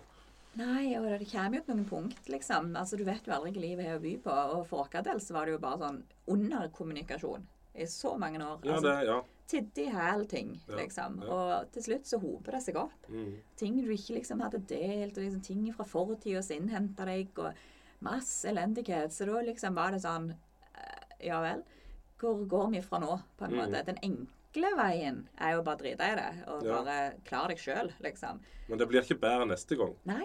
det Gresset blir bare er ikke grønnere. nei, det er ikke det. Nei. Og det ble ikke lettere med neste person. Nei, da er det jo enda Da er- mer å ta hensyn ja, til. stemmer sant? Og iallfall hvis det er kids inne i bildet, så på en måte så Jeg var jeg er sta, Mm. så dagen er lang. Og det som holdt meg motiverte til å løse det, var jo ungene. Mm. Og det syns nok mange de kan kjenne seg igjen i. Men nå kan jo jeg bare snakke ut ifra vårt utgangspunkt, og det var jo ikke noe sånn livsfarlig eller noe sånt. sant? Mm. Det er jo mange som kan ha knalltøffe situasjoner, liksom. Men, eh, men ja, sjukt glad. Altså, for å være helt ærlig, så var det litt mer der at vi hadde venner som så hvor ringt det var. Mm. Eh, og vi var på en plass der jeg hadde lagt ned salongen av helse og litt sånn veldig dårlig økonomi. Holdt på å liksom stabilisere livet igjen og sånn etter mange sånne helomvendinger. Mm. Eh, så da var litt det der at vi vippser, og dere skal gå og få hjelp. Mm. Og da gikk vi til en som heter Egil. Chorise familieterapi. Mm. Og han jobber jo ut ifra denne Gottmann-metoden, da. som det heter. Og uh, han redda hele greia, altså. Kan du si litt om den Gottmann-metoden? Jeg vet ikke. Det det er liksom mm, vanskelig å forklare, men det ligger jo mye ute på nettet om det, da. Mm. Liksom Der du forklarer, forklarer nærmere, da. Men, men eh, virkelig til å anbefale. Mm. Og veldig mange som eh, Altså Det som var litt sånn spesielt for meg, var jo at da, først av alt så fulgte du jo ut en enorm spørreundersøkelse i to-tre timer. Eh, der du på en måte var dønn ærlig om mm. alt. Og da har han et enormt bilde av både hvem du er, eh, altså han terapeuten, da. Eh, både hvem du er, og problemene, utfordringer. altså sånn, Han har et sykt bra utgangspunkt i det du kommer og går hos han. Ja. Og da setter du av ei uke. Intensive uker. Mm. Eh, og så er det gjort, på en måte. Ja. For den gangen. Og så blir det jo da å gå videre med det. Og fy søren, jeg følte jeg vrengte meg fra innsida ut liksom den uka. For det, Mm. det er ganske du, du går jo tilbake til rota, og den rota kan jo være langt nede på mye Ja, ting. sant? Og, nei, så det var verdt det. Mm. Det var det. Men vi hadde nok faktisk ikke gjort det hvis vi ikke hadde gode venner Nei. som spotta i og Ja. fikk gang på oss. Ja. Så det er vi jo evig takknemlige for. For mange kan gjerne dette høres ut som et nederlag å faktisk gå til terapi. Ja, Men ja. eh, når du er på andre sida, så ser du hvor godt det var. Oh, ikke sant? Og, det. ja. ja. Mm. Nei, så nå snakker vi om å være på en god plass, ja. Det, det kan vi òg eh, si. Mm. At aldri hatt det så godt som nå, da. Nei. Så eh, Men ja, året går, og du blir kjent, og du blir vant med en annen. Og jeg liksom tenker at det, det er jo en trygghet i det, da. sant? At Ja. det, du vet hvor du har en annen, og liksom Så jeg ser jo fram til den dagen der du mest bare kan liksom mest bare se på en annen. Og så Mm. vet du hva den andre tenker. Ja, ja, ja. Sant? Hvis du ser for deg sånn scenario med to gamle som sitter på kafé, og de trenger liksom ikke snakke i lag engang, og de bare koser seg. sant? Altså, De vet så godt hvor de har en annen etter mange år i lag. og liksom, Jeg bare har sånn tanker om at åh, sånn vil jeg ha det. Mm. Jeg vil ha, vil ha han. Og hvis, Mm. ikke, hvis noe hadde skjedd, så hadde jeg vært fornøyd med den mannen jeg hadde hatt. og. Da hadde det vært han, liksom. Mm. Så var mannen i mitt liv. Så eh, ja. Nei, så det Men jeg skal innrømme, jeg er jo tross alt mann. Jeg er neandertaler, så jeg, jeg er jo ikke utlært. Selv om at vi er på en mye bedre plass enn det vi var før. ikke sant? Men det er bare jeg endelig forsto hva jeg kommuniserer var, så Mm. var mye gjort. Og jeg har alltid hørt at jeg er dårlig til å høre etter. Hva du snakker om? er ikke plag meg med det. Sant? Ikke sant? Ja, det, ja. men eh, ja, det har skjedd mye i seinere tid, så Mm. ja, jeg forstår Ja, eller jeg hører mer etter. Mm. Selv om jeg liker å snakke, Altså. Men du vet det, jeg har jo en liten sånn passion for forskjeller på mann og dame da, etter Mm. dette kurset. mm. Og når det kommer til kommunikasjon, så har vi jo liksom to hjernehalvdeler, og språk ligger jo i den hjernehalvdelen som damene primært bruker. Mm. Så du vet at det er jo utrolig mye lettere for oss å sette ord på ting Ja. i forhold til mannen, liksom. Mm. Så det er jo ikke svart-hvitt, men, eh, men det er noe der. Mm. Så det er liksom sånn, når jeg vet det, så må jeg på en måte gi Gudmund litt tid. Sant? Jeg kan jo sette ord på alle mine dypeste tanker og følelser på to minutter, liksom. Og så kan jeg spørre han, ja, hva er du mest redd for i hele verden? Mm. Og du vet, da blir jo han stum nesten? Ja. For, og det går litt tid før han liksom sanser seg og får sette ord på det. Og når Ja. jeg, det kunne irritert meg grenseløst før. Hvorfor svarer du meg ikke? Ja? Og, og du vil aldri liksom, sant? Og åpne deg. Og, og da, men når jeg liksom har forståelse for det, at han har lyst til å ha litt betenkningstid av og til Mm. når det gjelder litt sånn dype ting, så eh, gir jo det mening. Ja. Sånn, Så nei, så vi må bare forstå forskjellene Ja. og være glad for dem. For jeg tenker at vi utfyller jo en annen med de forskjellene vi har. Mm. sant? Og, og ikke bare klage på at han ikke gjør sånn som jeg ville gjort. Mm, Sant? Så det er noe i det, altså. For, for min del så er det jo det å forstå Altså Hun øser ut alle ting. Det kan høres ut som det er klaging, det kan høres ut som syting, det kan høres ut som Mm. jeg, jeg er jo ikke der for å løse problemet, jeg skal bare høre hun skal få lufta det ut. ikke sant? det. Så er vi fornøyd ja. etterpå. Ja, ikke sant. Det, er ikke alt som skal løses. Er det gjerne, spør gjerne noe om du har en løsning. Det er jo en annen ting, ikke sant. Men det bare forstå det at det er ikke det er ikke klaging, det er ikke syting. Det er bare for å få lufta det, liksom. Ventilere. Ja, ja, ventilere. det må til. Ja. Mm. Og det er ikke rakka ned på meg. Det er liksom bare Ja. Nei. Jeg, Nå høres det ut som fæl og sånn neger. og langt ifra. liksom, Det er ikke det det er snakk om. det er bare, Før så kunne jeg tenkt liksom mas, mas, mas. Ja, ikke sant? ja. Men det, det er slutt på det nå. Dette er jo ikke et ukjent fenomen, Nei. vil jeg tro, for noen par. Altså at kona kan ha litt mer på hjertet til tider. Ja. og- Men det er godt det der for oss å bare få ventilere litt av og til, og så blir vi fornøyde når det får det ut. Og rense lufta litt. Og, Hva Ja. Så du nevnte huset brant der. Eh, det hadde Det hadde jo et fint hus. ja. Med frisør i kjelleren og Stortrivdes. Ja. Tenke det, altså. Mm. Ja, nei, vi flytta til Sirvåg igjen. Altså, vi kom til det punktet vi skulle slå oss ned, vet du. Og da ville vi hjem til Mm. mor. Og han var like holden hvor han bodde, så da fikk jeg han med til Sirevåg, og det var fantastisk. Og vi, det var jo rett etter finanskrisa, så det var så lite hus til salgs. Mm. Eh, men til slutt så fikk jeg eh, telefon fra en venninne. 'Så du det som kom ut på Finn i dag?' Og der var det huset. Mm. Da fikk vi kjøpt det. Eh, og da har vi vært så fornøyde, for at da, selv om det ikke var liksom noe vi bygde sjøl, så hadde vi kjelleren stå tomme. Mm. Altså, hvis du følte du mangla noe, så, så bare kunne du ordne det der nede, liksom. Mm. Og, ja, så fra sørverden, ja, så er det jo veldig mye senterarbeid og sånn. Mm. Og der kjente jeg var ikke helt tingen når ungene begynte å komme til. Så da hadde jeg lyst til å drive sjøl, sånn at du kunne legge opp til familie og livet og sånn. Så da ble det salong Mm. i kjelleren. Mm. Stortrivdes. Mm. Og vi Ja. Altså, den Altså, vi jo Finnes jo ikke utsikt der vi bor. No. Eh, ifra sånn som det var bygd før, iallfall. Nei. Og, men likevel, det var liv da, vet du. Og vi hadde vi levde jo på terrassen hele sommeren. Og ja, så lenge det var tålelig greit vær. Og, så vi trives enormt godt på Skolten. Mm. Mm. Ja. Og så var det denne her eh, desemberdagen for noen år siden. Nå er det to år siden. Gode to år siden. Der det skjer det som på en måte er det minst tenkelige, liksom, ever. Ja, er det mulig? Er det mulig, ja? Nei, og det var en mandag. Eh, og jeg hadde tatt meg fri, husker jeg. Jeg hadde ingen planer. Og skulle vaske til jul. Mm. For vi skulle være sjokket med jul. Og da er det jo liksom mest 20 stykk, da, sant? med smått og stort. Så jeg måtte gjøre rent og få rydda på rommet, og så kunne jeg legge inn madrasser, så ungene kunne gå og legge seg hvis de var trøtte. og Gikk med headset eh, og podkasta hele dagen og olde med det, liksom. Og så skulle jeg levere en pakke på Svanes til sending. Og der traff jeg ei venninne, sto og drøste med hun. Og så skulle jeg hente i barnehagen. Eh, og det som òg skjedde akkurat da, det var litt sånn snedig, for at jentene kom jo av bussen nede på kaien og skulle gå hjem. Og det som de fikk for seg akkurat den dagen der, det var at de skulle gå inn og se i barnehagen om jeg var der. Og der var jeg. Så da satte de seg inn i bilen og venta på meg i barnehagen til jeg kom ut med han minste. Mm. Og hvis ikke, så hadde jo de vært først på plassen. Mm. Og det hadde jo ikke vært bra. No. Eh, men så kom jeg hjem.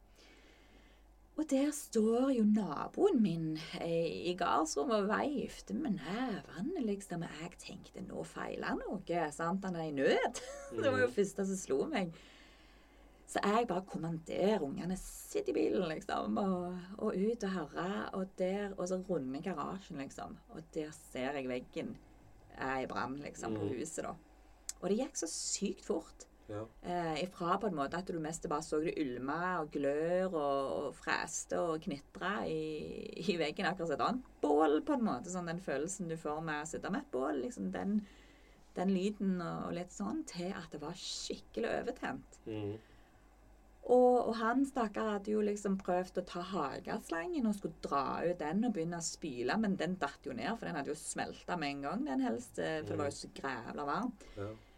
Og, og så bare kjenner liksom det begynner å dirre i lommen, og da var det politiet, vet du. Er det noen inne i huset? Og, og jeg bare nei, liksom. Og Gudmund visste jo bare at jeg var hjemme den dagen. Det var det eneste han visste, for de hadde jo snakket med han først. Så han kom jo på Altså, han hadde jo bare reist seg Mm. på jobb. Han jobber jo på Sirvåg Mekaniske, på kontor. Eh, og han hadde bare reist seg og yeah. Mm. Så ingen forsto noen ting. Eh, og kom hjem vet du, i 500 i svingen der, liksom. Og, Og jeg bare reagerte veldig sånn automatisk med å bare sette meg i bilen, bakke bilen med ungene bak i gardsrommet til naboen, og der sto jeg. Ja, Ungene så de dette fra bilen, eller visste de ingenting? Det som var at jeg forsto jo at det var alvorlig ganske snart, så jeg bare kommanderte hun eldste til å sette på film til han minste i, mm. i bilen. Sånn at han bare skulle finne roen, da. Og så sa jeg på en måte jeg, Men jeg er utrolig god på å holde roen. Mm. Jeg skulle sikkert vært ambulanse et eller annet i, jobbet i nødutetat eller et eller annet sånt. For jeg, det skal utrolig mye til for å vippe meg av pinnen. Mm. Så da sto jeg der, og så, så, så alle rundt meg hadde jo panikk. Men jeg tror jeg blir sånn steinkald, liksom. Og Mm. bare gjør det som må til, og så reagerer jeg voldsomt etterpå. Mm. Sånn, liksom sånn rent sånn Stress eh, tar over litt sånn når ting støvet lagt seg bitte litt. Da liksom begynner det å gå opp for meg, og da kjenner jeg at jeg blir så sjukt sliten. Men, eh, men det er bare sånn evne jeg har, da. Men eh, Nei, så kom jo Gudmund hjem, og så kom jo utrykning sant, i alle retninger. og brannbiler, og det Ja, og de hadde nok kanskje eh, tenkt litt for lite om brannen, da. Mm. For det, det, det var, var Det tok jo seks timer før de fikk slokket det. Mm. Eh, men det som var så utrolig bra, var jo at det var vindstilt den eneste dagen i året i Siråg der jeg tror det var vindstilt. Så det ble liksom ikke noen fare for verken garasjen eller naboer og sånn. Mm. Så det er jo bra. Ja. Eh, men når det kom inn under taket, sant, eh, så får du jo ikke toget det. Sant? Det kom liksom opp langs veggen og så inn under taket, og der er jo taksteinen i veien. Mm. Eh, så de gikk jo og hamra på innsida for å prøve å slokke det som lå og ulma og brant under taket, og så gikk det ned igjen, på en måte. Brant overvant det ned, liksom. Mm. Så, så det var det. Og, og det er sånn blurry hele dagen i Groen, men eh, men vi er jo vanvittig gode naboer da, rundt dere, og de bare kom ned med pledd og kaffe når vi sto og liksom prøvde og sant, Du måtte i avhør i politibilen. Altså mye som skjedde på kort tid. Og um, mamma kom og henta ungene ganske snart, og, og det var litt sånn løye, for hun trodde at når hun så alt av brannbiler kom Å ja, ja, men det var fillebrann, liksom. Da slokker de det. Mm. Og så snakket hun, snakket liksom med svigerinna mi som sto oppe på, på Nyl, eller på høyden der med skoratua i Sirevåg, og bare hun ser jo bare den røykutviklingen, liksom. Og mamma bare Nei, sant, det går seg til, det der. Ja. Og hun bare gjør jo ikke det, liksom. Og var helt ifra seg. Og, så jeg husker det at, det- at det, Nei, det var veldig surrealistiske følelser. Du blir jo veldig sånn nummen, da. Mm. Når du ser heimen din uh, går opp i røyk, liksom. Eh, så eh, ja. Og det, men sett tilbake, det må jeg jo si, eh, så har vi jo i Groen opplevd det så lite dramatisk som du kanskje kan oppleve en brann. Mm. For da, vi har vært så utrolig heldige, da. Eh, for sånn som mor mi, hun hadde jo en leilighet hos deg. Der hun hadde sånn arbeidsfolk som hadde bodd, som hadde vært inne på julebyen og styrt. Mm. Eh, og så hadde jo hun bak lefsa hele dagen og var sliten og sånn. Men nei, så fikk hun en sånn en følelse av Nei, jeg bare vasker det ned og reier opp og sånn. Ja. Og lite visste hun at vi trengte en plass å sove på kvelden, Ja. liksom. Så det er helt utrolig. ja. Nei, og så var det jo eh, Kom jeg meg ut der etter hvert. For at det, det var så mye kaos. Og når det liksom var slokt og litt sånn, så var det i grunnen var du så Du ble jo sånn puffa ballong på en måte. og så da var det ei venninne som i grunnen bare kommanderte meg nå kjører jeg deg hjem til mor di, og nå må du liksom Nå må du sette deg ned litt. Eh, så da gjorde hun det. Og da var jo ungene i steng, og, og det var litt tålig og sånn. Men eh, så husker jeg at ordføreren ringte. Mm. Første som ringte, liksom Jonas Grettingland. Ja. Og bare 'Å, det er fæle greier', liksom. Så det var litt sånn koselig, da. Ja. Ja. At han får det med seg så kjapt og bryr seg og sånn. Ehm, men ehm, Og så har Gudmund, og min bror og svoger og søskenbarn og kamerater Det var liksom med en gang politiet hadde liksom frigitt når krimteknikerne og sånt var ferdige. Så med en gang de liksom hadde frigitt huset, så var det jo bare hvor fort du kom, kunne komme deg inn og begynne å hale ut det som var igjen, da. Mm. I tilfelle det var noe liksom å kunne redde. Og det er jo så mange festlige historier i grunnen, for at det, den ene er jo liksom kjæledyr, da. Mm. For det at vi hadde jo en katt som elsker overalt på jord, Mm. og den har jo overlevd. Og kvelden eh, den har nok iallfall kommet seg ut. Ja. Tydeligvis. Sant? Så, ja. Men det som òg var, var at det var jo snart jul. Mm. Så vi hadde jo funnet hjem et hamster. Mm. Eh, så, eh, så var jo hele utrykninga, altså hele mannskapet, var jo mest kjentfolk. Sånn, sånn er det jo på Jæren når det Mm. brenner. Så kjenner du jo fort mange av de som, som kan være i, i arbeid der, da. Og så kom en kamerat ut, og så, så tenkte jeg på dette her hamsteret liksom, som sto der inne. Så vi hadde sett under spisebordet på en stol, sånn at jeg ikke skulle vise for hun, for at jeg skulle få det liksom til jul og sånt. da. Og jeg bare tenkte Tru om det har klart seg. Mm. For at i den etasjen så var det jo mest at det lå under vann mye, og sot og rot og slokkevann. Sånn, alt var jo trøtna, liksom. Så tenkte jeg Men gass og røyk, sånn, kan det ha klart seg? Så sier jeg til han du, det var et hamster der inne. Og han hiver på seg utstyret igjen og går inn. Og jeg hadde mest glemt det igjen til han var ute igjen. Ja. Så kikker jeg ned i det buret, så sitter jo den lille hamsteren og ser på meg og liksom har jo levd i beste velgående. Så det var jo veldig opptur, da. Ja. Mens oppe på loftet, eller i andre etasje, der var jo alt liksom gone, da. sant? Men dattera mi, hun ene dattera mi, hadde et akvarium på rommet. Mm. Eh, og, og så var det Det var jo helt svart, liksom. Mm. Helt kull, på en måte, utsida, da. Ja. Så hadde jo broren min gått opp med noen i, i brannmannskapet, for de var jo litt igjen og, og hjelpte litt og sånn. Og så der hadde jo taket datt ned, sånn, så det var jo ganske sånn ja, vanskelig å komme seg fram. Og så går han og kikker liksom på det der akvariet og lyste med lommelykta, og der bing!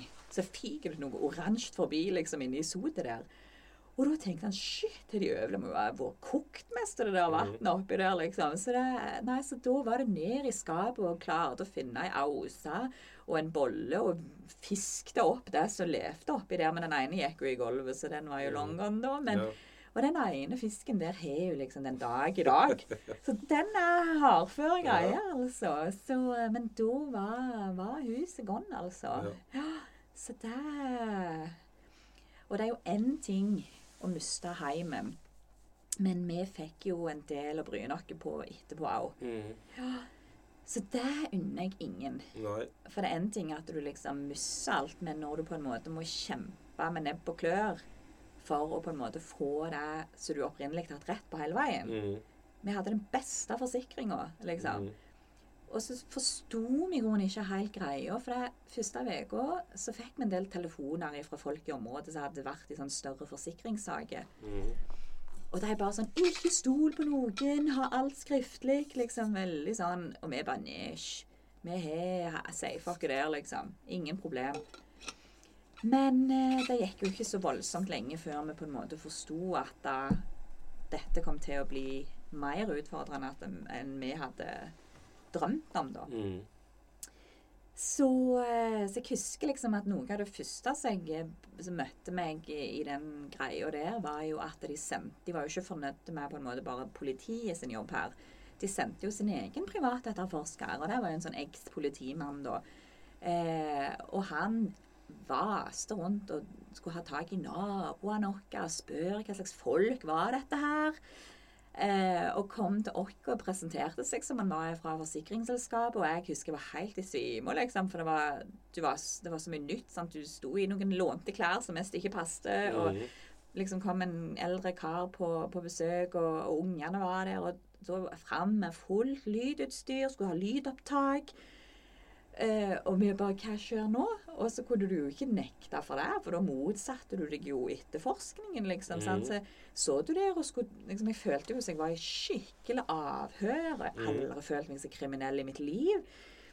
Så det var det. Så det var ikke noe gildt å, å se opptakten til, til det, da. Men vi har likevel hatt ekstremt gode folk rundt dere som har på en måte Vi så at vi måtte etter hvert få tak i advokater og liksom det, Du må jo mest være utdanna jurist, liksom, for å forstå det som vi møtte da, liksom. Mm. Altså, det er jo Hold deg til under 10 000, så hiver jo forsikringsselskapet pengene etter deg, liksom, Ja. for å ha godt rykte. Men når du begynner å bikke noen millioner da, for å få sette opp et hus igjen Mm.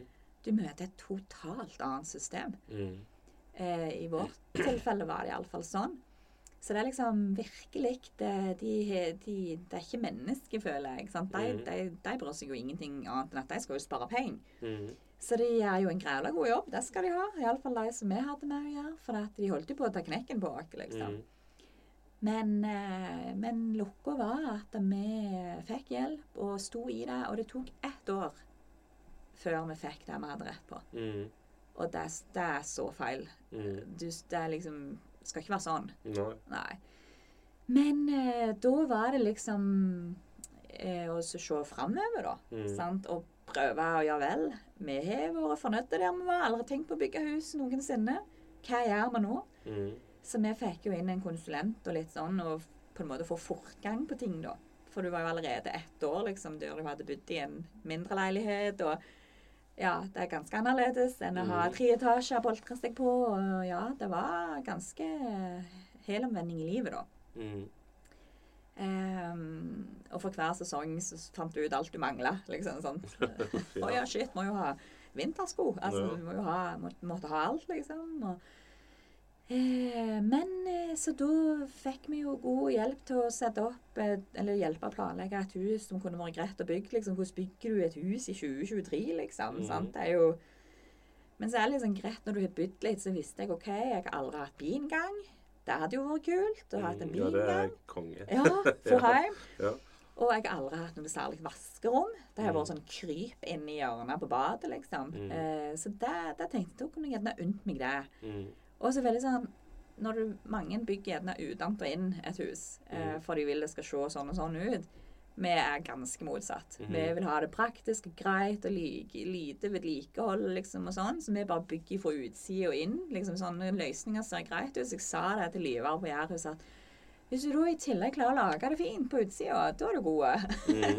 For vi vil bare ha den type løsninger på rommet og sånn. Mm. Men det klarte han, så det blir jo kanonhus. Så Mm. veldig moderne og fint. Og vi har jo aldri vært moderne, så dette er jo Mm. kult. Vi må jo bli fine på det nå, sier jeg til Gudrun. Nei da, så det er utrolig flott å se nå når det er i gang. Og nå Men- setter de i vinduet i dag. Og, Ja, jeg så det. Eller jeg, jeg, så, jeg ser litt på Facebook her, Ja, eller. Instagram. For du har en Instagram-profil for bygging av dette huset. Ja, for jeg tenker jeg trenger ikke spamme alt og alle til enhver tid, selv om jeg er frista til å gjøre det. For jeg er jo Mhm. veldig aktiv på sosiale medier. Det er liksom, Jeg elsker jo å dele. Og så har vi jo eh, mye familie rundt i landet nå, på annen Mhm. side. Så det, det er jo der de følger med på Mhm. ting mm. ungene og alt, liksom. Så da gir jo det en motivasjon til å dele litt. Men så da tenkte jeg nå lager jeg en slags byggedagbok der, da. Sånn at eh, og jeg har fått så mye gode folk eh, innpå der som òg er i lignende situasjoner.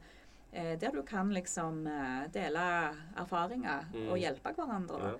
Og, og ikke bare det, men jeg har også en sånn TikTok som fordi når jeg, etter, etter brannen så var jo DPS-en, Jæren DPS på hugget og dra omtalt med alt mulig sånn team. Og, og da sa hun 'skriv dagbok', Mm. sa hun til meg. Sånn at du får bearbeida og sånn. Og så tenkte jeg ja, ja, det kan jeg jo gjøre, og det gjorde jeg jo en dag. Mm. Ja. Men det ble med det. For jeg Ja. liksom Så tenker jeg, men jeg kan jo liksom gjøre noe, da. Der du liksom får ut litt ting. Og, og da lagde jeg den her TikTok-kontoen min. Mm.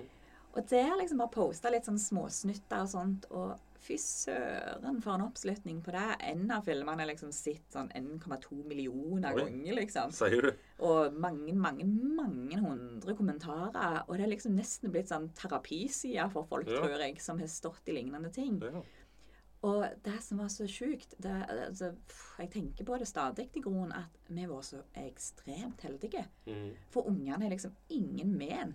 Det er Mm. jo ingenting sånn Og det har jo med at de på en måte har jo aldri våkna midt på natta til at brannalarmen gikk og sånt. Det har jo ikke vært der, liksom. Mm. Men de har jo på en måte mista hele sitt univers. Så de Mm. hadde sånt alt liksom ifra de var små til nå. Favorittbamsene og liksom Mm. Ja, vi fant restene til hun ene jenta.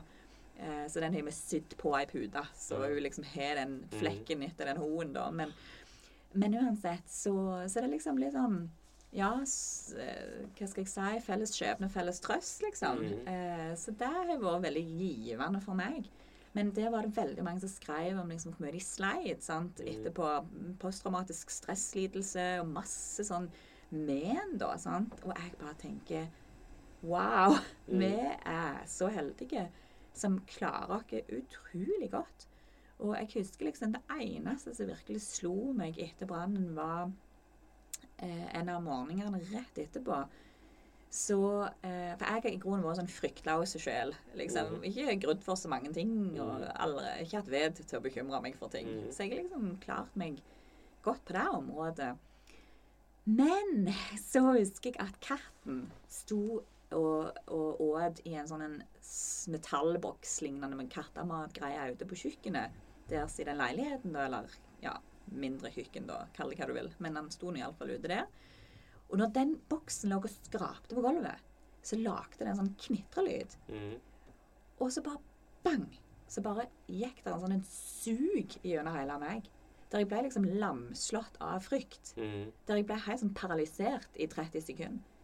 Og da var jeg liksom bare sånn Å nei. Dette kan jeg ikke leve med. Mm. Hvis dette er hvordan frykt kjennes ut. Mhm. Så da måtte jeg jobbe skikkelig med det da. Eh, fra første dag. Og det, det ble vi den gangen. Mm. Og så husker jeg de setter meg på sovetabletter, for du vet, adrenalinet er så sykt høyt at du ligger jo på en måte lys vaken. Altså, du, du, du tar noen dager før du lander, liksom. Mm. Men jeg bare kjente sånn åh, nei, jeg kan ikke ha alt dette her. Nei, uff, må ikke ha liksom Veldig respekt for å gå på ting, på en Mm, måte. Så, så jeg eh, Så jeg bare kutta det òg ut. Og Mhm. Klarte å sove godt. Altså, så jeg, vi har jo klart dere så godt som du overhodet tror jeg kan klare deg. Mm. Eh, men jeg har jo hatt sånn ups and downs, definitivt. liksom Spesielt når det tærte vanvittig på med den forsikringssaken, da. Men det er jo liksom sånn, vi hadde jo alt på det rene hele veien. Ja. Eh, så det er jo bare det at de prøver Jeg tror de må sitte med sånn forvaska sjekklist eller et eller annet. Kan vi ta dem på det? Kan vi ta dem på det? Og, og for hvert brev så måtte jo vi svare. Mm. Og ting tar tid. Og vi svarte jo samme dagen helst. Sant? Mhm. Men så kan jo de lett altså De har jo regler for at ja, vi trenger faktisk ikke svare før på tre uker. Så da makste de jo det, da. Sant? Mm. Bare for å være drit, liksom. Mm. Slite deg ut. Så, eh, så det Nei, men eh, Ja. Hva, hva er det såreste som forsvant i brannen, da? Det har jo mange å gjøre, selvfølgelig. Ja. Eh, sånn type hentesett, vet du, så du hadde fått strikt, liksom, til, den, til de ble født. Og eh, jeg tenker jo selvfølgelig harddisk med bilde fra hele Mm. livet. For at det var jo ikke sånn at vi hadde ei sky før i tida, og da var jo det sånn eksterne harddisker, da. Eh, ja, men så er nok ikke jeg kanskje den som er mest knytta til det materialistiske, eh, altså det materielle tinga der. Så jeg husker tanten min ringte rett etterpå, og hun var bare sånn rett forover, rett fram. 'Husk, Elisabeth, det er tomme ting.' sant? Mm. Og du, 'Det er ikke lomma i den siste skjorta uansett.' sant? Altså, det er veldig sånn klar tale på hva som gjelder liksom i livet, da. Men men det var jo det der som har sånn affeksjonsverdi, da. Sant? At det er ting som du ikke får igjen, da. Og det, var, det er stadig noe jeg husker mm. som jeg savner, skal det du si. Å ja, det var det, ja. Fytti. Så, så var det ei venninne liksom, som nylig spurte meg etter bilde da ifra meg og ei venninne, en annen venninne overrekte blomster til kongen og dronninga når de kom og skulle vie åpne kirkebokene etter brannen der. Ja. Og så bare Du, om du har noen bilder av den tida, liksom. Og så er det, er mange ganger at folk liksom spør om sånn, for de tenker jo ikke sånn som jeg tenker. Eller Nei. det som er casen, sant. Og, så jeg bare Ja, hvis jeg hadde hatt det, så hadde det jo, det jo flambert da, liksom. Mm. Men, eh, og hun bare Å, fytti, sant. Altså, mm. Så du kommer liksom ikke på det, da. Men, men ja, det var jo nok en ting, sant. Så du har mista da sånn gamle bilder, da. Men, eh, men ja, jeg eh, Du har bare forsont deg med at sånn er det. Mhm. Liksom. Du får det ikke igjen, da. Så Jeg snakket med en kollega av meg i dag senest, vi snakket om det før. Det var gjerne litt for vi snakket om du skulle komme i dag og denne banen og dette her. Men vi snakket om det flere ganger før. Og liksom, hva, hvis vi hadde brent hus, nei, hus dere hadde brent ned, hva vi hadde gjort. Altså, Da tenker jeg det ungene, alle var ute. Alt, akkurat samme situasjon. ikke sant? mm, Så liksom Jeg vet ikke om jeg hadde gjort så mye akkurat med det som var inne i huset. Altså, det, det, det er den hardeste bildene. Jeg har ikke hatt ved nok til å legge det på noe sky. Men det er jo mye som jeg lager på Jeg lager så alle bildene jeg tar, jeg lager på Snapchat nå, så de ligger der da. genialt. Men, uh, men uh, det er i grunnen det. det er så, jeg har blitt- mindre materialistisk de siste tida. Det er litt, litt påtvingt, Ja. sånn fordi at eh, økonomien er sånn som den er nå, skulle jeg si. Mm. Og så har jeg innsett at det, det er ikke det som betyr noe. Eh, og jeg vet jeg har mange modellbiler oppe, skal, skal jeg selge de? Altså nå, Jeg har ikke fått lagd det der podderommet mitt ennå, så jeg skal ha alle disse modellbilene alt der. Altså, jeg ser hvor lite verdt det er når det bare står i et kott. Og så er det også, Jeg har alltid vært glad i biler. Skulle hatt den og den bilen. Men så har jeg lært liksom erfart at det er noe svineri av flere biler. Jeg kan bare kjøre én om gangen. og Nå har jeg to, da, men den ene bare to seter, og den andre er fire. Så jeg får med hele familien. Så det er det som heller, heller det oppe, da, at jeg kan ha den andre bilen. Jeg husker jeg leste at uh, hvis, du har, hvis du eier mange ting, så ender du opp med at tinga eier deg. Mm. Og jeg sa til som jeg snakket med, at jeg har vært i den situasjonen der jeg er blitt utskjemt med å ikke ha en drit. Mm. Og du lærer vanvittig mye på det. Mm. Når du på en måte blir ribbet for alt, og liksom står der med null, liksom. Vi har jo en og annen ting som vi håper kan funke. Eh, fordi vi hadde jo liksom ting i, i skap og sånt i den delen av huset, sånn kjøkkenet spesielt. Så da håper jeg noen, kanskje det kan være noen tallerkener og sånt. Mm. For porselen kan jo tåle Mm. mer, sant. Og, men likevel så er det liksom sånn Åh, du blir så lite opptatt av Mm. ting. Og det var liksom ungene når de ønsker seg ting til jul, liksom spesielt rett, rett etterpå. Nei, de hadde det de trengte. Mm. Og det, da tenker jeg nå Nå er- ser jeg at noe har skjedd her. Ja.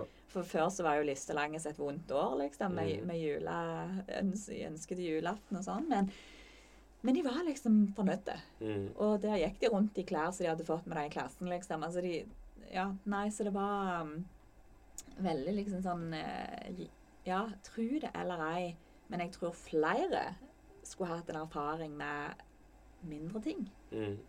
Og da vil du gjerne oppdage at eh, hvor mye du, de faktisk eier deg, da. Mm. Eh, som jeg tenker er usunt. Og det, det er òg med at uh, vi har unger sånn nå, er at uh, Ja. det er ikke Nå må jeg prioritere hva jeg skal bruke tida på, Mm. og da får jeg ikke brukt så- ikke, sånn at Jeg har jo gamle PlayStation og Nintendo Wii, men Nintendo Wii den forsvarer jeg, for du har Mario Party. Det skal du spille med Ja. unger når de blir større. Ja. så den er grei. Men PlayStation 3, ikke PlayStation 4, ikke sant? og spiller jo aldri lenger. Men uh, så liksom, hvis jeg selger tre, hva får jeg for det? Så liksom, Ja. Det er litt det som holder igjen. Så er det, ja, det er noen Ja. spill der jeg kan spille, bla, men jeg kommer jo aldri, sikkert aldri til å spille det. så jeg kommer nok til å kvitte meg med noe, men dette sitter litt inne ennå. Selv om jeg ikke bruker det. Men uh, Ja. det er liksom, hva, hva får jeg for det, så er det vits i. Men hvis det står bare i veien og tar plass, er det ikke vits i å ha det. eller? Nei, nei, det er en balanse, det der, Ja. liksom. Ja, fy søren. Um, men, eh, men nå er det ikke kjeller i huset. Nei. Nei. Nei, altså vi, vi Der som vi bor i Sirevåg eh, Fra gammelt av så heter det Småmyrene. Mm. Og det er jo for at det var ei myr. Mm. Virkelig. Ja. Eh, så da var det jo i grunnen bare hjelp der at vi fikk liksom litt sånn Hva tenker, hva tenker vi? Eh, hva er smart å gjøre, Mm. liksom, på denne tomta og området og litt sånn. Og da råda de oss til at det ikke er kjeller. Mm. Eh, så, da, så da gikk vi vekk ifra det. Eh, og vi For du hadde liksom så så mange kvadrathus før. Og da har du liksom rett til å bygge opp så og så mange kvadrathus igjen. Eh, men nå fordeler vi på en måte heller de kvadratene ut på to etasjer. Mm. Faktisk mindre enn før. Mm. Eh, men det ser jo voldsomt svært ut, for du har jo Mm. full takhøyde. Eh, så jeg føler det blir sånn boff, liksom. Der var det et, en klosse, liksom, av et Mm. hus som viser litt godt igjen, syns jeg sjøl. Men det er løye hva det gjør når du ikke har skråtak lenger. Mhm. Det ser, Ja, det ser så annerledes Ja. ut. Selv om det er Og nå har vi jo til og med klemt inn en bitte liten hybel. Mhm. For jeg ser jo at det er jo kommet gull med hos mamma. At hun hadde en plass, liksom en hybel der i huset. liksom. Så jeg tenker, hvorfor ikke? Så da eh, Så vi har faktisk desto mindre plass å bo på sjøl, liksom. Ja. Men eh, det ble ikke kjeller. Mm. Nei, frisørtida er forbi for meg, da. Ja. Ja, jeg er ikke lenger jeg, jeg, en, en kropp som er på laget ja. når det kommer til Det er jo et ekstremt slitsomt yrke. Mm. For uh, veldig statisk og veldig sånn tøft for, uh, for skuldrene mine og sånn, da. Mm. Så da måtte jeg bare runde det av, da. Men det savner jeg jo vanvittig. Mm. Så det, sånn er det bare. Nei, vi, sånn som Berit Katrine hun kunne, hun kunne bare hatt et mikrohus. Ja. At hun var fornøyd til å si Jeg ser det sånn som når Straumen koster Hva skal vi med så stort hus? liksom? Ja, ja. stå et kaldt loft oppe som ikke innreder. Innreder ett rom, liksom. Men Mm. ja, jeg er enig, men det, det, det er tiltak å flytte. Så det er liksom det jeg Det er om vi snakket om i forbindelse med den husbrannen og alt dette her. Det er liksom Så er det, har du små unger, og så Alt det du må gjennom. liksom, Skal være med og planlegge det og det og det skal bygges. ja. Det tar tid fra familien òg, ikke sant? Å, himmel og hav. Ja. Ja. det er veldig omfattende. Ja. Og jeg var jo ikke klar over det. Og Gudskjelov for han som har vært med og hjulpet dere. ja. Eh, og, og, men heldigvis så har vi jo som sagt hatt utrolig mye gode folk rundt dere. Og jeg føler jo at hele Jæren har vært engasjert i dette husbygginga her. da, Mhm. Så det er, liksom- det er jo en, vært mye blest rundt det. sant? Og, da, og det er liksom sånn Og jeg la jo ut, dum som jeg var på en måte, så har jeg lagt ut litt sånn Hva ville du gjort? Hva er sånn og sånn? Og da får jeg så mye svar. sant? Så du må jo liksom forholde deg til alle disse svarene. så, Og så jeg ja. har funnet ut at OK, nå, nå trenger jeg ikke spørre om så mye, for jeg, jeg må jo liksom men bare sånn en gang så la jeg ut om det er noen som har bygd hus i det siste, så jeg kan gå på besøk og bare se, liksom. For Mm. hodet mitt funker ikke å bare sitte og bla på en skjerm, liksom. Jeg, jeg må mest se det med mine egne Se de praktisk, så Ja. jeg kjenner kjenne liksom, hvordan det fungerer. Yes, Ja. og da fikk jeg så mye tips, vet du, Mm. om eh, gilde folk å besøke. Så jeg har fått være på besøk rundt på Jæren, og ja, jeg sa du kom innom, så bare kom innom. Så da Mm. måtte jeg jo det, da, liksom. Og, og det har vært så utrolig givende. Mm. For dette har jo truffet folk som jeg liksom aldri hadde truffet hvis ikke. Nei. Så, og bare det at du liksom får omvisning og bare 'Dette har vi lært', og dette og, Åh, det har vært så gull. Så jeg er så takknemlig for det. Altså, ifra det brant til i dag Altså, det har vært bare sånn de første ukene, liksom. Hadde du visst hvor mange som kom på døra med ting, med mat, med Altså, ja. Det liksom Det var helt, helt ekstremt. Mhm. Helt overveldende. Mhm. Og disse ungdommene vet du, Vi har hatt, hatt mye ungdommer hjemme eh, på en sånn klubb. mer en sånn klubb mm. eh, som bare heter Heima, for de hadde jo ingenting å gjøre på. Mm. Og da led i gang før rot og talt vondt. Ja. Så derfor så tenker jeg ja vel. Noen av de stod barnevakt og sånn sjokk, og så gikk de jo aldri hjem, så da var vi lag. Så tenkte jeg ja, ja, de kan jo bare gå med. Mm. Så da måtte de lage mat sjøl, og vi koste oss og grilte og litt sånn. Men så kom jo covid og sånn, så da ble det jo runden vi jo der av, og så lagde de jo klubb på skolen òg, så da er det jo gull. Men, eh, men da var liksom sant, Jeg har jo klippet mange av disse ungdommene siden de var små, så det er jo litt sånn tante frisør og sånt. Mm. Og da eh, og da var det han ene i den ene gjengen der, da. Han eh, lagde jo den her spleisen, liksom. Mm. For at han bada jo så på dette her, og, og jeg bare Fy søren, så det kom jo inn masse penger. Og når jeg så liksom hvem som hadde gitt mm. Det er jo helt sånn Hva fillen, liksom? Hvor, hvorfor kommer de på å gi til oss, liksom? Mm. Altså, jeg så det jo sipp til en unge, liksom. Det var jo det var så rørende å liksom se at folk gidder dette her og gir til oss og bryr seg. og Åh, nei, så det Nei, det har vært Det er da du liksom ser den der verdien av å kanskje bo på en mindre plass, da. Mm. Der alle kjenner alle. Ja. Og jeg husker det var han ene vi snakket med i et eller annet sam, samtale i forsikringssaken, og liksom de spurte jo litt hvordan det gikk og sånn. Det var vel en advokat igjen eller noe, og vi fortalte jo litt av dette her. og å, det fyller hjertet igjen i folk utover Jæren, liksom. Mm. Sant? Det, det var sånn tydelig, der, da. Mm. Så eh, Nei. Så jeg, eh, jeg tror jeg må skrive det ned, alt. Sånn at jeg ikke glemmer det. Mhm. Sånn skikkelig, liksom. Eh, Jeg kunne sikkert skrevet en bok om alt Ja. på en måte, for det har vært så sjukt å oppleve det, da. Ja. På godt og på vondt. Ja. Mm. Jeg så du skrev noe om at uh, du sier du er ut- utadvendt, og mannen er ikke Han er introvert. Ja. Eh, men så var det noe med løsningene i huset. Mm. I den sammenheng eh, med besøk og sånn. Hva, det går i? Nei, altså vi snakka meg om Ja, han er introvert og sånn, men han har hatt en sånn real oppdagelse i hvor fantastisk det er å ha din egen heim og invitere folk til. Mm. For nå er det jo sett liksom når du ikke har ditt eget, så er det annerledes. Mm. For det er- jo ikke dine ting du har rundt deg, og det er liksom sånn Ja, ikke like mye plass og sånn. Så da har han oppdaget Det var jo ikke dumt heller, da. Nei. Å ha en plass å kunne være folk, og vi hadde jo mye besøk. Mm. Vi hadde jo veldig mye besøk. Og vi er jo litt sånn old school der ennå folk kommer på døra, liksom. Mm. Eh, og det savner vi jo litt, da. For vi, det er jo litt mer avsides på Nygård der som vi bor nå. Mhm. Eh, men likevel så, så er vi jo folk innom, det er ikke det. Men, eh, men det er litt mer tungvint nå, liksom. Mm. Men så da er vi litt der at da, Å, fytti grisen. Altså, jeg har jo planlagt den innflyttingsfesten lenge. Mm. For jeg gleder meg så. sant? Yeah. Altså Bare fy søren å få samla liksom mye folk som har, betyr mye for deg, som har stått i lag med deg, som har liksom gleda seg med deg og, og sør, sørget i lag med deg, skulle jeg si. Altså vært, med på denne prosessen, liksom. Og, Og bare kunne- kunne feire at nå er det over, liksom. Så vi sitter jo av og til litt sånn Hva fillen skal vi gjøre på når dette huset er oppe? Sant? Når du har liksom brukt to år på dette, Mm. sant? Og hva, hva skal vi finne på da? Mm. Så, eh, men ja, eh, så vi gleder oss veldig over det der å kunne liksom invitere inn til god mat og drikke og bare mm, ha det gøy igjen, liksom. Fellesskap og ja, leve normalt, liksom. Mm. Så, så det Når han til og med Mm. gleder seg til det, Ja. da har vi en vei, for å si det sånn. Så det er veldig kjekt. Hvor gamle ungene er dere nå? Johanna er 12-13 øyeblikk. Mm. Tenåring, tenk det. Mm. Eh, og Camilla hun er 11 snart i år. Eller etter sommeren, faktisk. Og Gabriel han ble åtte. Mm. Mm.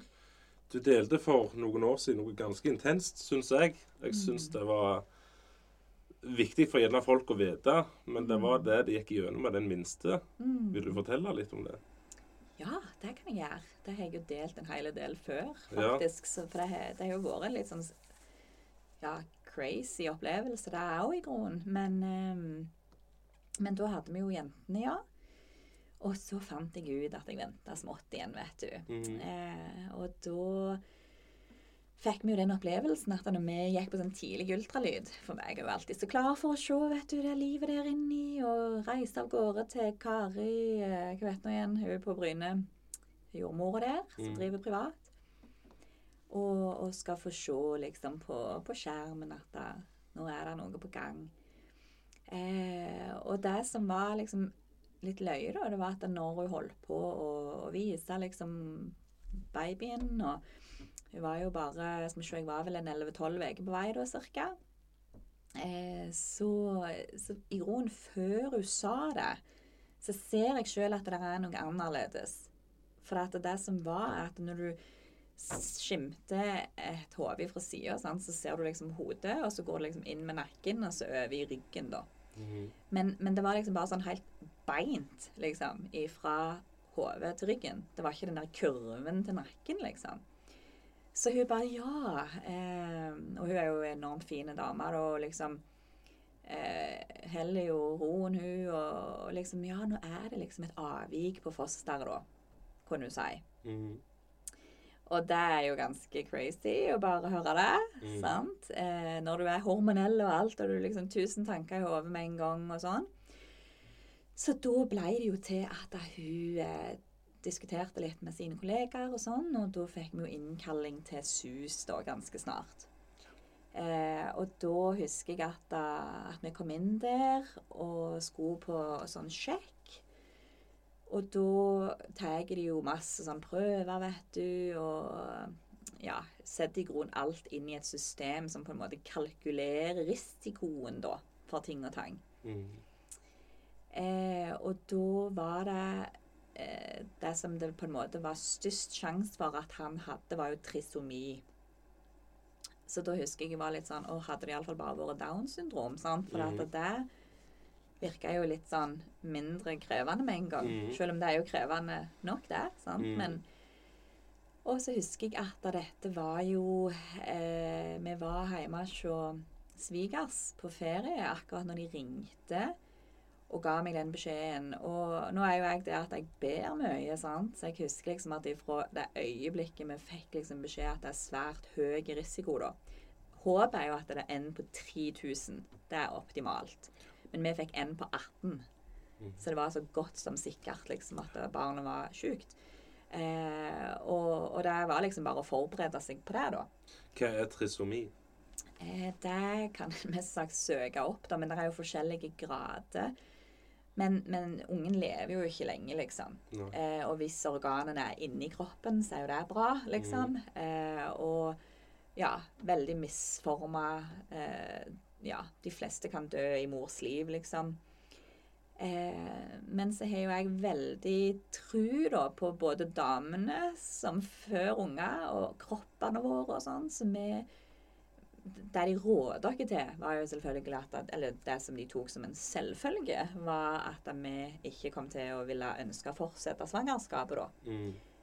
Så jeg husker liksom at eh, jeg bare sånn What? Altså, jeg var veldig, sånn, veldig tidlig klar på at selvfølgelig skal jeg jo prøve, liksom. sant? Og, og kroppen støyter jo ut fosteret hvis det ikke er levedyktig. sant? Det var jo Mm. min idé. sant? For jeg, jeg sverger til kvinnekroppen, jeg, altså. Ja. Og tenker at vi står i Så lenge det ikke var fare for liv og helse, liksom, og Mm. sånn. og Eh, så jeg husker liksom at jeg òg måtte skrive under på at alle, alt var på egen, egen risiko, liksom. Og ja, veldig sånn spesi opplevelse. Men, men når jeg da sa at vi liksom ikke tenker at vi skal der, da, så var det litt sånn fem sekunds stillhet, liksom. Hæ, Mm. skal du ikke det? Og da bare ble jeg så overgitt. Mm. Og jeg bare sånn Nei. Eh, og så gikk vi videre med Du- svangerskapet. Du er usikker i utgangspunktet. Eller ikke sånn, altså ikke usikker, men det er sånn uff, Ikke etter hva du skal gjøre, men etter hva vil skje, liksom. Ja, ja. Aner Og så får du det slengt i trynet i tillegg. Ja. Det hjelper jo ikke på. Nei. Nei. Og det verste var at ikke så lenge før så visste jeg om ei annen som òg fikk samme beskjeden. Mm. Og hun fulgte rådet til disse sant? og, og, og avslutta svangerskapet, da. Eh, også det som vi opplever da, er jo at da, de kunne i grunnen ikke si så mye mer før du hadde kommet ut i rundt femte måned, for at da er liksom fosteret kommet veldig langt. sant? Og, og jeg husker at Gudmund jobbet jo offshore i den tida. Eh, det var jo etter fly- og helikopterbransjen var over, og han hadde blitt i Sirvåg langt å kjøre, så han begynte offshore. Og da husker jeg bare å håpe liksom at han er hjemme, sånn at vi kan gå på den ultralyden i lag, for det var ganske crazy avgjørende, liksom, Mm. for veien videre i livet i grunnen. Eh, og jeg husker at det var en del folk der, og, og sånn, og jeg, jeg var så spent, vet du, at når jeg lå på det der bordet, så var jeg jo spent og sånn en streng. så de klarte jo mest ikke måle. Så jeg måtte liksom slappe av og bare Åh. Og hun måler og måler, og det verste var at hun sa ingenting, liksom. Mm. Og tida gikk, og hun strekte opp på skjermen, liksom. Og, og så husker jeg bare den der følelsen når hun snur seg til meg og sier at hadde ikke jeg visst at noe skulle være galt, så hadde jeg aldri trodd det. Hun Mm. var helt frisk. Mm. Ingenting galt. Og det var liksom sånn, du bare sånn Jeg hørte det, men det gikk liksom ikke inn helt. Mm. Og, og du var på en måte sånn For du hadde jo stålsett deg i tre måneder da, sant, på at det, nå er det Altså, jeg søkte på nettet, jeg vet du skulle aldri gjort, sant, for det sant, Da får du opp alle disse ungene som ligger med ørtenslanger tilkobla, og liksom Jeg så jo for meg at det ble livet, sant. mm. Det var jo innstilt på det da. Ja. Og så plutselig så får du liksom kontrabeskjed, da. Ja, vet hva. Og, og jeg trodde det nesten ikke. Det var liksom sånn, jeg, så jeg, det var liksom sånn når Og jeg tror ingen heller andre heller trodde det. For det at når jeg hadde født han, og han var frisk, så husker jeg liksom Altså, jeg så jo Ungen var Ja, de sjekket jo i hytt og vær, og jeg fikk ikke føde på loftet, liksom. Måtte være på fødestue i tilfelle, liksom. Og veldig sånn beredskap, på en måte. Mm. Så det var akkurat som de kunne ikke tro det. Og jeg kunne det mest ikke sjøl heller, men det var jo en lettelse rundt det, liksom. Men, og jeg husker dagen etterpå og Dette var jo mitt tre barn, liksom, så du hadde jo en viss erfaring og, og sånn, men Og da husker jeg at det bankte på døra, og utfor så sto det liksom tre leger i hvit frakk. 'Hei, hvordan går det med deg?' liksom, og 'inn med, jeg skal bare sjekke ungen', liksom. Og, og de kommer inn, og de studerer på dette og kikker, og liksom sånn, og 'Ja vel, ha det'. Og så jeg var liksom Hva var det? Så det var akkurat som de på en måte Ja, de måtte være så de skulle, Det var så mange som måtte bare sjekke han, liksom. Mm. Og nå er han åtte år. Mm. Fillen så frisk. Ja. Litt for frisk, nei da, for Ja. han er jo ganske aktiv. Ja. Men, eh, nei, men det er helt utrolig. Ja. Og, og jeg tenker med skrekk og gru på alle i dag som kan få Altså det er bra med teknisk utvikling og ditt og datt, men av og til så tenker jeg det er kanskje godt å ikke vite òg. Mm. Eh, så jeg eh, Jeg heier jo på det ufødte livet, sant. Og jeg syns det er sørgelig med alle som får disse beskjedene. Mm. Og du sitter og måler på snakk om 0,1 millimeter, kanskje. Liksom, som avgjør nesten liv og død. Hvis nakkefolden er så og så stor, så sånn og sånn. Og, altså, og så er det i grunnen bare en skjerm som tilsier et bitte lite liv på gjerne en centimeter der inni. Mm. Og så kan det være så avgjørende for om folk bærer det fram eller ikke. Mm. Så det er jo noe jeg syns er veldig skremmende, da. Ja. Jeg må si det. Det er ganske intenst. Det er det. Ja. Men eh, ja. Kom igjennom det. Ja. Det er jo det. Eh, litt over på, på eh, Ja. Det som egentlig podkasten gjerne handler om, med sånn hobbyinteresser. Jeg syns jo det er alltid interessant, ikke ja, sant? ja. Men eh, hva, hva er dine største hobbyer, da? Jeg er sånn per nå, da, hva jeg fordriver dagene med, Ja. da, tenker du. Eh, jeg er veldig opptatt av en ting som jeg leder i, Mm. som heter Damer i byen Jæren. Og det er jo mange som bare What? Går det an å hete Damer i byen Jæren? Mm. Men det er for at det er et konsept som er i hele landet, da. Så da Mm. må vi ha navnet. Men eh, nå er jeg vant med det. Mm. Men vi sier mye Dibb-Jæren. Og det er noen sånne eventer da, for eh, damer. Eh, og nå har vi hatt noen samlinger på Ogena scene i hele fjor. Og jeg fikk en visjon om dette rett etter brannen, for da hadde jeg ikke noe å gjøre på. Mm. Hadde ikke så mye å vaske på, hadde ikke så mye å luke og sånn. Så da hadde jeg tid til å være litt i fred og ro og, og ta inn litt impulser, da. Så tror jeg jeg er på en levende gud som taler, og da eh, følte jeg han ga meg virkelig sånn ønske om å bidra inn i damer sitt liv, da. Mm. Eh, så nå er det jo mest 40 frivillige i dette her, og, og veldig mye som skjer.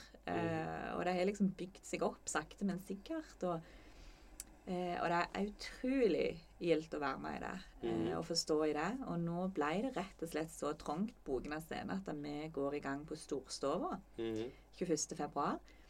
Eh, og da er det jo gøy, altså. Mhm. Eh, og det er for folk som er forvetne på hva dette her med tru handler om. Mm. Eh, og ja, jeg eh, Jeg er jo ikke liksom der at jeg eh, liker å være liksom, At det skal være så Alltid sånn i sånne satte rammer, da. Sant? Mhm. At det, så jeg eh, Det er god sang og musikk og spennende gjester og appellholdere som kommer fra hele Norge. Og liksom skikkelig sånn Folk får jo mest sjokk Mm. når de kommer inn, liksom. Jeg skulle ikke trodd jeg var kristen, sier de. og var sa, sant? Og det lærer jeg jo av det. Sant? mm. Men, men er- folk har en veldig god opplevelse, og, og det er liksom det jeg styrer mest med nå for tida. da, Å Mhm. administrere og ballere med det. Eh, og utenom det, så, så som du forstår, jeg prater veldig mye. Mm. Men likevel så har jeg fått kommet inn i et arbeid som heter Drøsetilbudet, som jeg òg har i forbindelse med dette. Der du har tatt eh, litt sånn forskjellig på å kunne ta imot damer til bare samtale, da. Eller vi Mhm. kaller det for bønnesamtale. Og det er så gjevt å forstå i. Eh, for jeg liker veldig godt å prate med folk og lytte. Så der må jeg lytte. Mm. Det har jeg lært meg. Ja. Så det er fantastisk. Eh, og når, mor, når jeg skulle bort der, så sa mor mi 'ikke snakk for fort'. Sant? Men det har jeg sikkert glemt allerede. Men, men jeg liker å drøse. Men da har jeg også lært meg å lytte. Og det er for liksom gå i lag med folk, da. Mm. I tøffe tider, når du har hatt tøffe tider sjøl. Og Mhm. kunne liksom forstå det, da. For jeg tror at for hver driting du opplever, så utvikler du en slags antenne for Mm. å på en måte oppfatte andre i lignende situasjoner og ha en helt annen forståelse. Så, det, så jeg har veldig mye besøk Mm. i løpet av dagene mine og sånn. Dette er hjemme hos deg? Ja. Ja. Nå er jeg også på Ogenatun. Jeg har fått lånt eh, få være på et rom der òg. Eh, for det er litt mer nøytral plass hvis jeg ikke vet hvem de er. Men så lenge jeg vet hvem folk er, så er jeg ikke, kan folk òg komme hjem hvis det er venninner og sånn. Men, men eh, stort sett på Ogenatun. Er det enkeltsamtale, eller er det flere? Eh, det er enkelt, ja. Mm. Mm. Nei, så det er greia. Og utenom det så tenker jeg at eh, musikk Mm. er jo utrolig eh, meg, da. Mm. Passion for det. Jeg kunne sikkert jobbet i en radiokanal eller et Ja. eller annet sånn. Um, og jeg liker liksom alle slags sjangere. Mm. Kanskje jeg strever mest med opera, Mm. men det er noe gull der òg, Ja. liksom. Så jeg, vi bruker veldig mye tid på, Mm. på å høre musikk og liksom Ja. Det er en stor del av livet, da. Har du noen favoritter? Liksom, det er lov å ha mange. Ja. Jeg sier ikke den viktigste. Jeg sier Nå har du jo på en måte ja, vanlig musikk som går på radioen, sant? og så har du òg kristen musikk. Eh, og jeg liker jo begge deler. ja, Ta en god Eh, blanding. En god blanding. Altså, jeg har jo likt mye rock'n'roll opp igjennom. Mm. Hva er det da vi snakker Nei, da snakker vi metall. Ja. Power metall, altså. Ja, ja. Vært på flere Manor-konserter. Manor, ja, ja, ja. Gull. Eh, liker veldig godt deg. Eh, Edguy, Stratovarius, Halloween, alt dette her. Som Mhm. er litt mer sånn eh, Valhalla og litt det der. Ja. Eh, så det er jo ikke så mye jeg hører på det nå lenger, når jeg er blitt voksen. Nei da. Nei, men altså, det er jo fantastisk flinke folk. Ja. Åh, halve min. Så Reiser du sånn- på, på konserter med disse? ja, ja. Så vi var jo på Dream Theater nå for noen år siden, inne på Konserthuset. Mm. Uh, og så er det jo Altså, Gudmund er nok enda mer på litt mer sånn Iron Maiden og sånn, tidligere ACDC og sånne ting. Mm. Eh, og har litt mer den sida. Jeg var litt mer over på det grommere der, gjerne, jeg vet ikke. Men, men sånn, min, min favoritt da fra oppveksten, som jeg på en måte får veldig mye ut av, er jo Johnny Cash. Mhm. Det er jo the one. Men han er, han er vanvittig mye forskjellig. Du snakker om Ja. du, du hører på kristen musikk, du hører på rock. Ja, Altså, han, han har jo mye gospel, ikke sant? Han har, ja, han har mye. Mye vise, liksom, og mye Ja, Ja, ja. han er det rock, liksom. Det er rocker, så det var på den tida. Ja, Ja. sant. Og, og liksom, men, men jeg kan, jeg så, da jeg var liten, så så du jeg I Must Dip til Elvis med In The Ghetto, liksom, Mm. og Two Sparrows in a Hurricane av Tanya Tucker, liksom. Mm. Å, liksom. Jeg har fått så mye ut av musikk, og jeg, jeg tenker at musikk, det spiller på noen strenger i oss som ingenting annet kan. Mm. Liksom, det når noen dybder i sjela, liksom, så eh, Og det er gjerne sanger du har hørt alltid, men etter en viss hendelse så er det plutselig en som får Ja, ja. grele mye mer å bety. Ja, Ja. Taler til deg på en Ja. helt ny måte, da. Mm. Så eh, Nei, og det kan være alt. Altså, jeg kan like alt, liksom. Mm. Det kan være alt ifra Enja til Ja. Altså, det kan være så variert. Og, og noe er liksom sånn skikkelig pop. Så Mm. Gudmund, han gremmes jo av det, liksom. Du og de der teknoen. sant? Altså, Mm. Men det er liksom sånn så lenge det er den rette melodien, den rette beaten, liksom sånn altså, jeg kan like elske Mark Knopfler og Bruce Mm. Springsteen og alt det der vanlige, jeg skal til å si. Og så er du jo litt mer sånn eh, Ja, så hvis du tenker liksom skikkelig Jeg er jo en del sånne skikkelig heavy kristne rockeband mm. som jeg har hørt litt på og vært på konsert med, som heter Extol. Da har du jo han Ole Børud, for eksempel, synger og spiller i det. Mm. Eh, som noe alle har jo nesten hørt av Børud-gjengen. Og Ja. han er jo suveren der, men det er jo sånn drøyt. Men mamma, liksom, hun husker jeg sang andre stemmer til X-Tool i bilen, liksom. Hun Mm. takla det greit, på en Mm. måte. Og hadde jo en sånn en emo-periode i tenåra, liksom, Ja. der du var svarte skinnklær fra topp til tå. Mm. Hvite linser og liksom Mm. sprelske farger i håret og litt sånn. Men vi måtte jo få ut noe da òg. Mm. Nei, så, så musikk, ja, det er Ja, jeg, det, det gir meg mye, altså. Eh, Har du vært på musikkfestival òg, eller er det helst Ja. bare konserter? Nei, i Norge så har det jo vært Norway Rock, da. Mm. I USA så fikk vi opplevelsen av Country Music Festival et år. Ja, tøft. Det var svært. Ja. Og det var mest litt sånn tilfeldig. Men, men det var en ny opplevelse for ei jente fra Sirevåg. Mm. Å sitte i en eh, stadion med 50 000 i publikum, liksom. Mhm. Eh, ufattelig løye at jeg aldri har vært på Roskilde og sånt. Mm. For at jeg sleder meg ut på å få Metallica-billetter, liksom, og Mhm. sånt. Og de var jo der et år, husker jeg, og jeg kjente jo flere som skulle ned. Men, men eh, ja. Eh, men ja, Country Music Festival er jo liksom den største eventen ever. Eh, da var det jo liksom snakk om fire millioner folk innom Mm. i løpet av hele helga i Nashville, liksom. Mhm. Så det er jo på et nivå som ikke helt vanlig Mhm. på Jæren. Mm. Men uh, ja, nei da, så jeg eh, jeg, eh, Sånn som nå, for eksempel, så jeg vært på noen lovsangskonserter, så liker jeg jo veldig godt musikken til han som er i Dib Jæren, og er liksom bandet vårt. Han er jo på blues, da. Mm. Minner veldig om sånn Henning Kvitnes-ish. Ja, skikkelig kult. Eh, så det, ja. Det er bare Jeg er veldig interessert i å få nye Folk sender meg mye nye Ja, ja. artister og sånn. Mm. Så, så det gjør meg mye. Mm. Mm.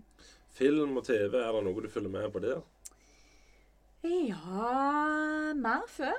Mer før, ja. Eh, men jeg er sær, tror jeg. Gudmund kan ikke annet enn å le. Jeg kan sitte og se på sånne uløste mordmysterier, dokumentarer. Mm. Altså, jeg syns det er bare så drøyt. Og det tror jeg handler om bare det der å se liksom Ja, de mest intense tinga som kan skje Mm. med folk. Mm. Altså hvor sykt det kan bli. Mm. Altså det, det åpner jo litt sinnet ditt liksom, for hva som er der ute, da. Sant? Men, men likevel så kan jeg i andre enden se på The Good Doctor, liksom. Mm. Serie. Sånn Mm. å, koselig. Ja. Sant? Eh, men når det, mannen min elsker film. Mm. Så han skal ha Snakker meg om poddebu. Han skal ha et ei poddebu, eller kall det hva du vil. Man, Ja. Mancave. Mm.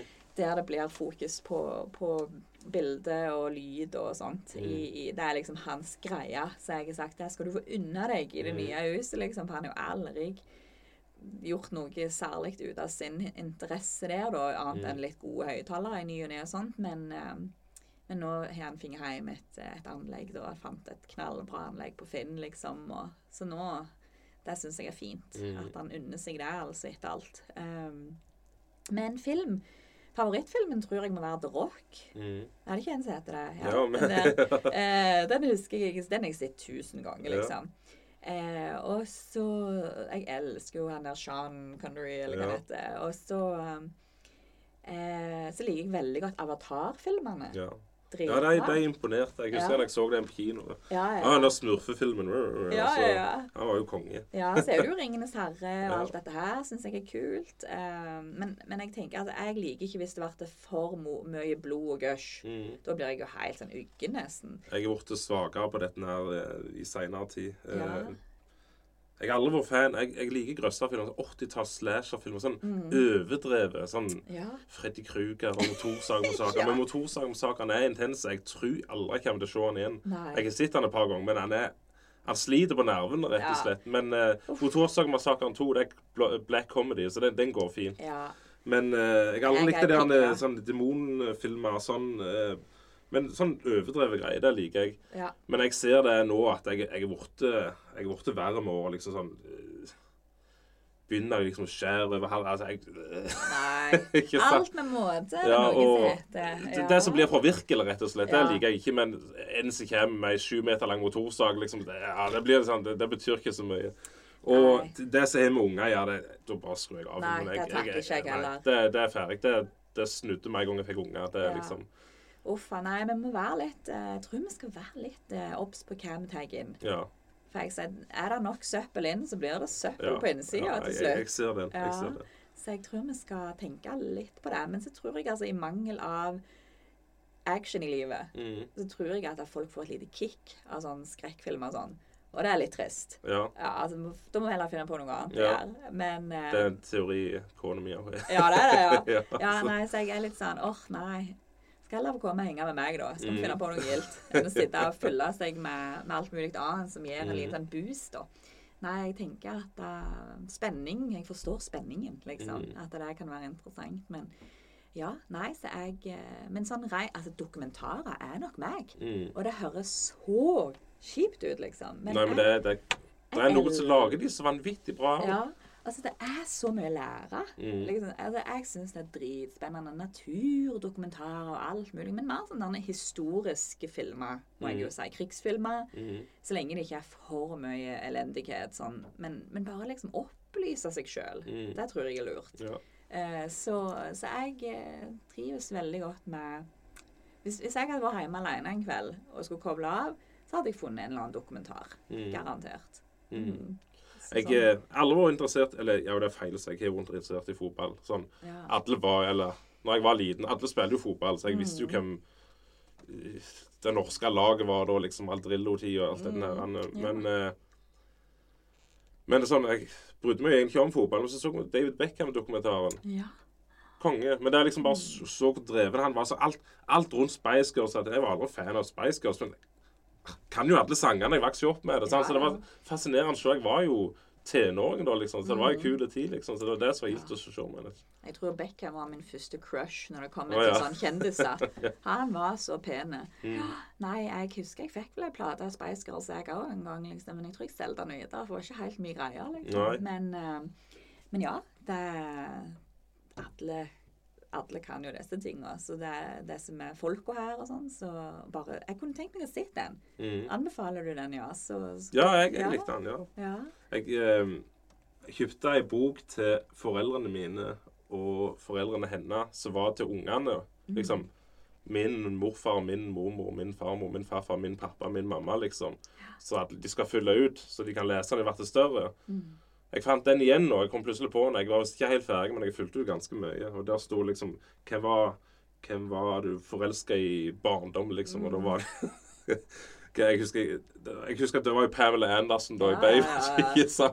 Og så Topanga i Boy Meets World, og så var det Jeg husker ikke hvem andre jeg hadde skrevet. Det var Det var sikkert ei eller annen jente, sikkert hun i Tiffany Thiessen i Saved by the Bell eller et eller annet sånt som det der. så ja, kult. Nei, det, det er mye gode barndomsminner, da. Og vi hadde reunion nå nylig.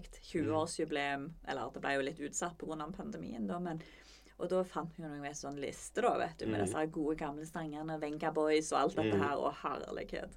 Så det har vært ei tid. Ja. Det er det, altså. Ja, jeg har alltid den musikken jeg liker grevla godt, den der 90-talls popmusikken. Den er jo så vanvittig simpel og enkel, Ja. men det funker. Det sant? funker Det er dunk, dunk, dunk, dunk. Det er Det sånn- vaskemusikk, som jeg Ja, sier. ja, det er det. Gå, gå og vaske til det. Jeg blir glad av å høre på det òg. Det er ikke sånn Jeg har aldri nekta på at jeg likt den musikken. Nei, Men det er musikk senere jeg ikke likt, selvfølgelig. Men så jeg har det grodd på meg. Hvorfor, hvorfor var jeg så motstander av den musikken? liksom? Ja. Men så er det jo selvfølgelig noen landeplager du alle kan Las Ketchup, for eksempel. Jeg tror aldri jeg har vært fan av den. Nei, nei, nei, nei, jeg fyrer jo lett opp noen sånne sprelske sanger fra min egen barndom. Tungene, Ja. liksom. Ja, ja. Sånn, Gabriel elsker jo 'Better Off Alone' av Mm. uh, hva vet jeg, DJ Alice. Nei, Ja, ja, jeg det ikke det? Ja, Ja, Alice. DJ. Ja, ja, ja. Uh, Eh, og han, så, så det er det ikke sånn noen som du på en måte aldri, aldri detter av moten, da. Nei, det er jo ikke det. Nei. Um, hva var det jeg skulle sagt Men ehm, Ja. Jeg har jo vært inne på både USA og bil og Men er det, er det noe Altså utenom USA så Det har vært flere plasser, men er det noe Er det en plass du vil reise til som du ikke har vært ennå? Så liksom, det er liksom litt bucket list, kan du si. Eh, ja Jeg kunne godt tenkt meg å reise til Sør-Amerika. Mm. Eh, Elsa, søster til Gudmund, har vært misjonær der. Mm. Eh, og hun fant seg en der. Mm. Og når han forteller ifra landet sitt, og når jeg hører andre som har reist ned der og Brasil Altså, hallo. Eh, jeg kunne virkelig tenkt meg det. Og vært i alle disse gamle ruinene. sant? Og Ja. liksom sett landet og landa. Eh, ja. Så det kunne godt tatt meg en tur ned til Mm. Sør-Amerika. Ja. Eh, jeg har så vidt vært innom Afrika, men der òg er det jo men litt mer på Sør-Amerika i forhold. Jeg har vært, en del, vært litt i Asia. Eh, altså, men å kunne reist liksom til Jeg er en sånn sjelden person som syns liksom det kunne vært spennende å være i Alaska. Mhm. Altså, eller sånn langt oppi Hutiheit i Sibir. Altså sånn, mm. Tenk så kult. Og Ja, liksom ja. bare helt sånn sjeldne plasser. Mm. Og bare se hvordan de lever der, liksom. Ja, ja. Men jeg har jo nok vært litt der at jeg må ta ungene med meg ut av dette landet. For at de blir jo helt skada av å kun sitte i Norge, liksom, og se Ja. på velstanden, på en måte. ja, ja. Eh, så jeg tenker at de må, de må få se den virkelige verden. Sant? Mm. For i Norge har vi jo det sjelden bra mm. i forhold til folk i mange store, store, store deler av verden. Da. Så jeg er litt sånn åh, Bare for å sette ting litt i perspektiv. det, det jeg tok meg sjøl i når vi reiste ut av landet Vi kan klage på vanvittig mye, men jeg tror ikke jeg har vært i et land der jeg faktisk føler at ting er gale mye bedre enn det her hjemme. Nei, absolutt ikke. USA er et u-land uten like. Det er ikke trykk i dusjen engang. De, altså, du, du legger jo alt ned doskåla når du skal sette deg på doen, liksom. Hva, hva det går i, ikke sant? Og nei, det Ja. Åh, nei, det er veldig Vi har det godt. ja. Fy fillen. Ja. Men eh, damer i byen, salmer på pub, hva dette her går i? Å ja. Nei, dama i byen, sa jeg. Ja, men det snakket vi om. Pub, pubkirke og salmer på pub. Ja, altså Jeg var innom pubkirka i Stavanger. Altså, jeg som person så trives jeg jo mye bedre ute i den store verden. Mm, Med, spesielt kanskje med folk som ikke deler troen min. mm, Eh, det bare, bare er sånn. Eh, Jeg klarer mest helt å forklare det. Men jeg tror det har med å gjøre at jeg er veldig glad i folk, da. mm.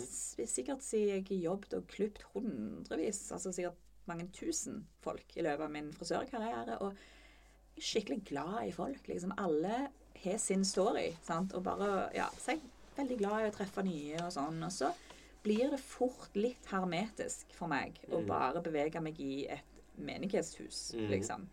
Eh, og så har jeg vært veldig engasjert i velforening og idrettslag og sånn. Eh, så jeg trenger, trenger noe mer, på en Mm. måte, enn det der trygge Altså, her går man ingen store overraskelser, liksom. Det Mm. blir kanskje litt for eh, jeg Jeg trenger noe å bryne meg på. Ja. Og det som jeg tenker, er jo at hvis du faktisk tror på det du tror på, Mm, så er du satt til å fortelle det videre. mm, Eh, og det som jeg opplever kanskje, er at det er veldig mange som eh, velger å kalle seg kristne, har fått sin billett til himmelen, mm. og så stopper de der, liksom. Og det finner ikke jeg i Bibelen. Da har jeg funnet noe annet. Og Mhm. da har jeg funnet at vi er, er nødt til å ta det videre. Mm. Og så er det liksom sånn, ja vel, hvordan gjør vi det? Eh, da nytter det ikke å bare sitte og si 'kom inn'. For det sa ikke Jesus engang. Mm. Han sa 'gå ut'. Mm. Så tenker jeg, men du skal jo ikke være en idiot heller, som trør det ned over hodet på folk og går og hamrer på dørene og liksom sånn, tenker jeg. Mm. Noen kan gjerne ha en helt annen overbevisning, men Mm. mitt, min idé er at du bare gjør Jesus tilgjengelig. Mm. Eh, og da er det flere måter å gjøre det på. Vi har damer i byen, storsamlinger, eh, der du kan komme og bare slappe av og ha det gildt og en skikkelig jentefest på en måte med venninnene dine. Og ja, du trenger ikke ha noe forhold til tro for å være der og ha en fin kveld. Eh, men dette med salmer på pub, det er jo et konsept som jeg bare elsker. Og det er jo en gjeng fra Oslo som har dratt det i gang, med Levi Bergerud i spissen. Mm. Og disse har du jo sett nå i det siste på dette her han, eh, med Egil Svartdal, litt sånn program på fjernsyn og sånn som kom ut. Og, eh, og det er jo disse gode, gamle sangene som du kan om du vil eller ikke. Mm. sant, Ifra bedehus og kirke og sånn. Og det gjør noe med folk. Mm. Mange er søkende i dag. Det er ikke tvil om det. Mm. Altså, Vi er ikke fullt hus for ingenting. Nei. Det er Så- snedige tid vi lever i, ja. Så det, det er det, det virker som noen må ta et valg Ja. det, hvor de skal stå. Hvor er Ja, ja. Og så tror jeg det handler litt om at vi har jo vært igjennom sykt mye Mm. de siste åra. Og liksom med pandemien, for eksempel, så forsto jo folk plutselig at vi er dødelige. Mm. Sant? Så da begynte en jo å tenke liksom, Oi, er det noe mer? Mm. Sant? Og, og folk søkte jo så galne på nettet, liksom, forsto Mm. jeg, på Gud og Jesus og alt mulig. Og, eh, og jeg tror ikke det var mer, hadde vært så mye blest rundt disse tingene som etter andre verdenskrig, liksom. Sant? Mm. Det var veldig en, en får litt bakkekontakt Mm. og begynner å tenke på livets store spørsmål, liksom. Eh, og jeg har hatt så mange opplevelser. Nå har vi jo snakket om mye. Men det som har båret meg igjennom, er jo den der solide freden Mm. som ingenting klarer å ta ifra meg. Mm. Og det kan ikke jeg forklare. Mm. Og folk er liksom sånn Hvordan klarer du det? sant? Så har liksom stått i så mye ding og dang, og liksom sånn, så jeg bare sånn Nja, klarer ikke å forklare det på noen annen måte. Du er så på en måte trygg. Mm. Og du har liksom Jeg vil si at det er overnaturlig, Mm. for at jeg kan ikke forklare det. Mm. Og da friker jo folk liksom en gang du snakker om overnaturlig. Da er du helt space. Det er sikkert en diagnose eller et eller annet. Sant? Og flykt fra virkeligheten og vet ikke jeg hva de Jeg har hørt mye løye. Mm.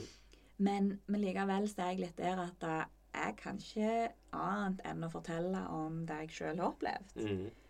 Og så er folk veldig interesserte. Men det som er min oppfattelse av alle de hundrevis av kundene jeg har snakket med om tru, er at det dessverre er veldig mye sånn vrangforestillinger om hva det handler om. Mm. For mange har jo kanskje en erfaring med kristne, eller menighet, eller Ja. Og ikke alltid er det godt. Mm. Eh, og da har jo altså Det er akkurat som jeg jobbet som frisør i et stort firma. Så var det jo masse frisører, og ikke alle representerte firmaet på en god måte. Mm. Og, og det kan jo også skje. Mm. At vi kan representere Jesus. Det har jeg sikkert gjort sjøl òg. Mm. Eh, på en heller ufine måte, kanskje, i forhold til han hadde gjort sjøl. Mm. Men nå er det jo faktisk sånn at, da- at vi er hans ansikt utad. Mhm. sant? Og det, men likevel så kan det jo bikke da med en gang at du tenker 'Å, fytti, da må jeg ta meg sammen'.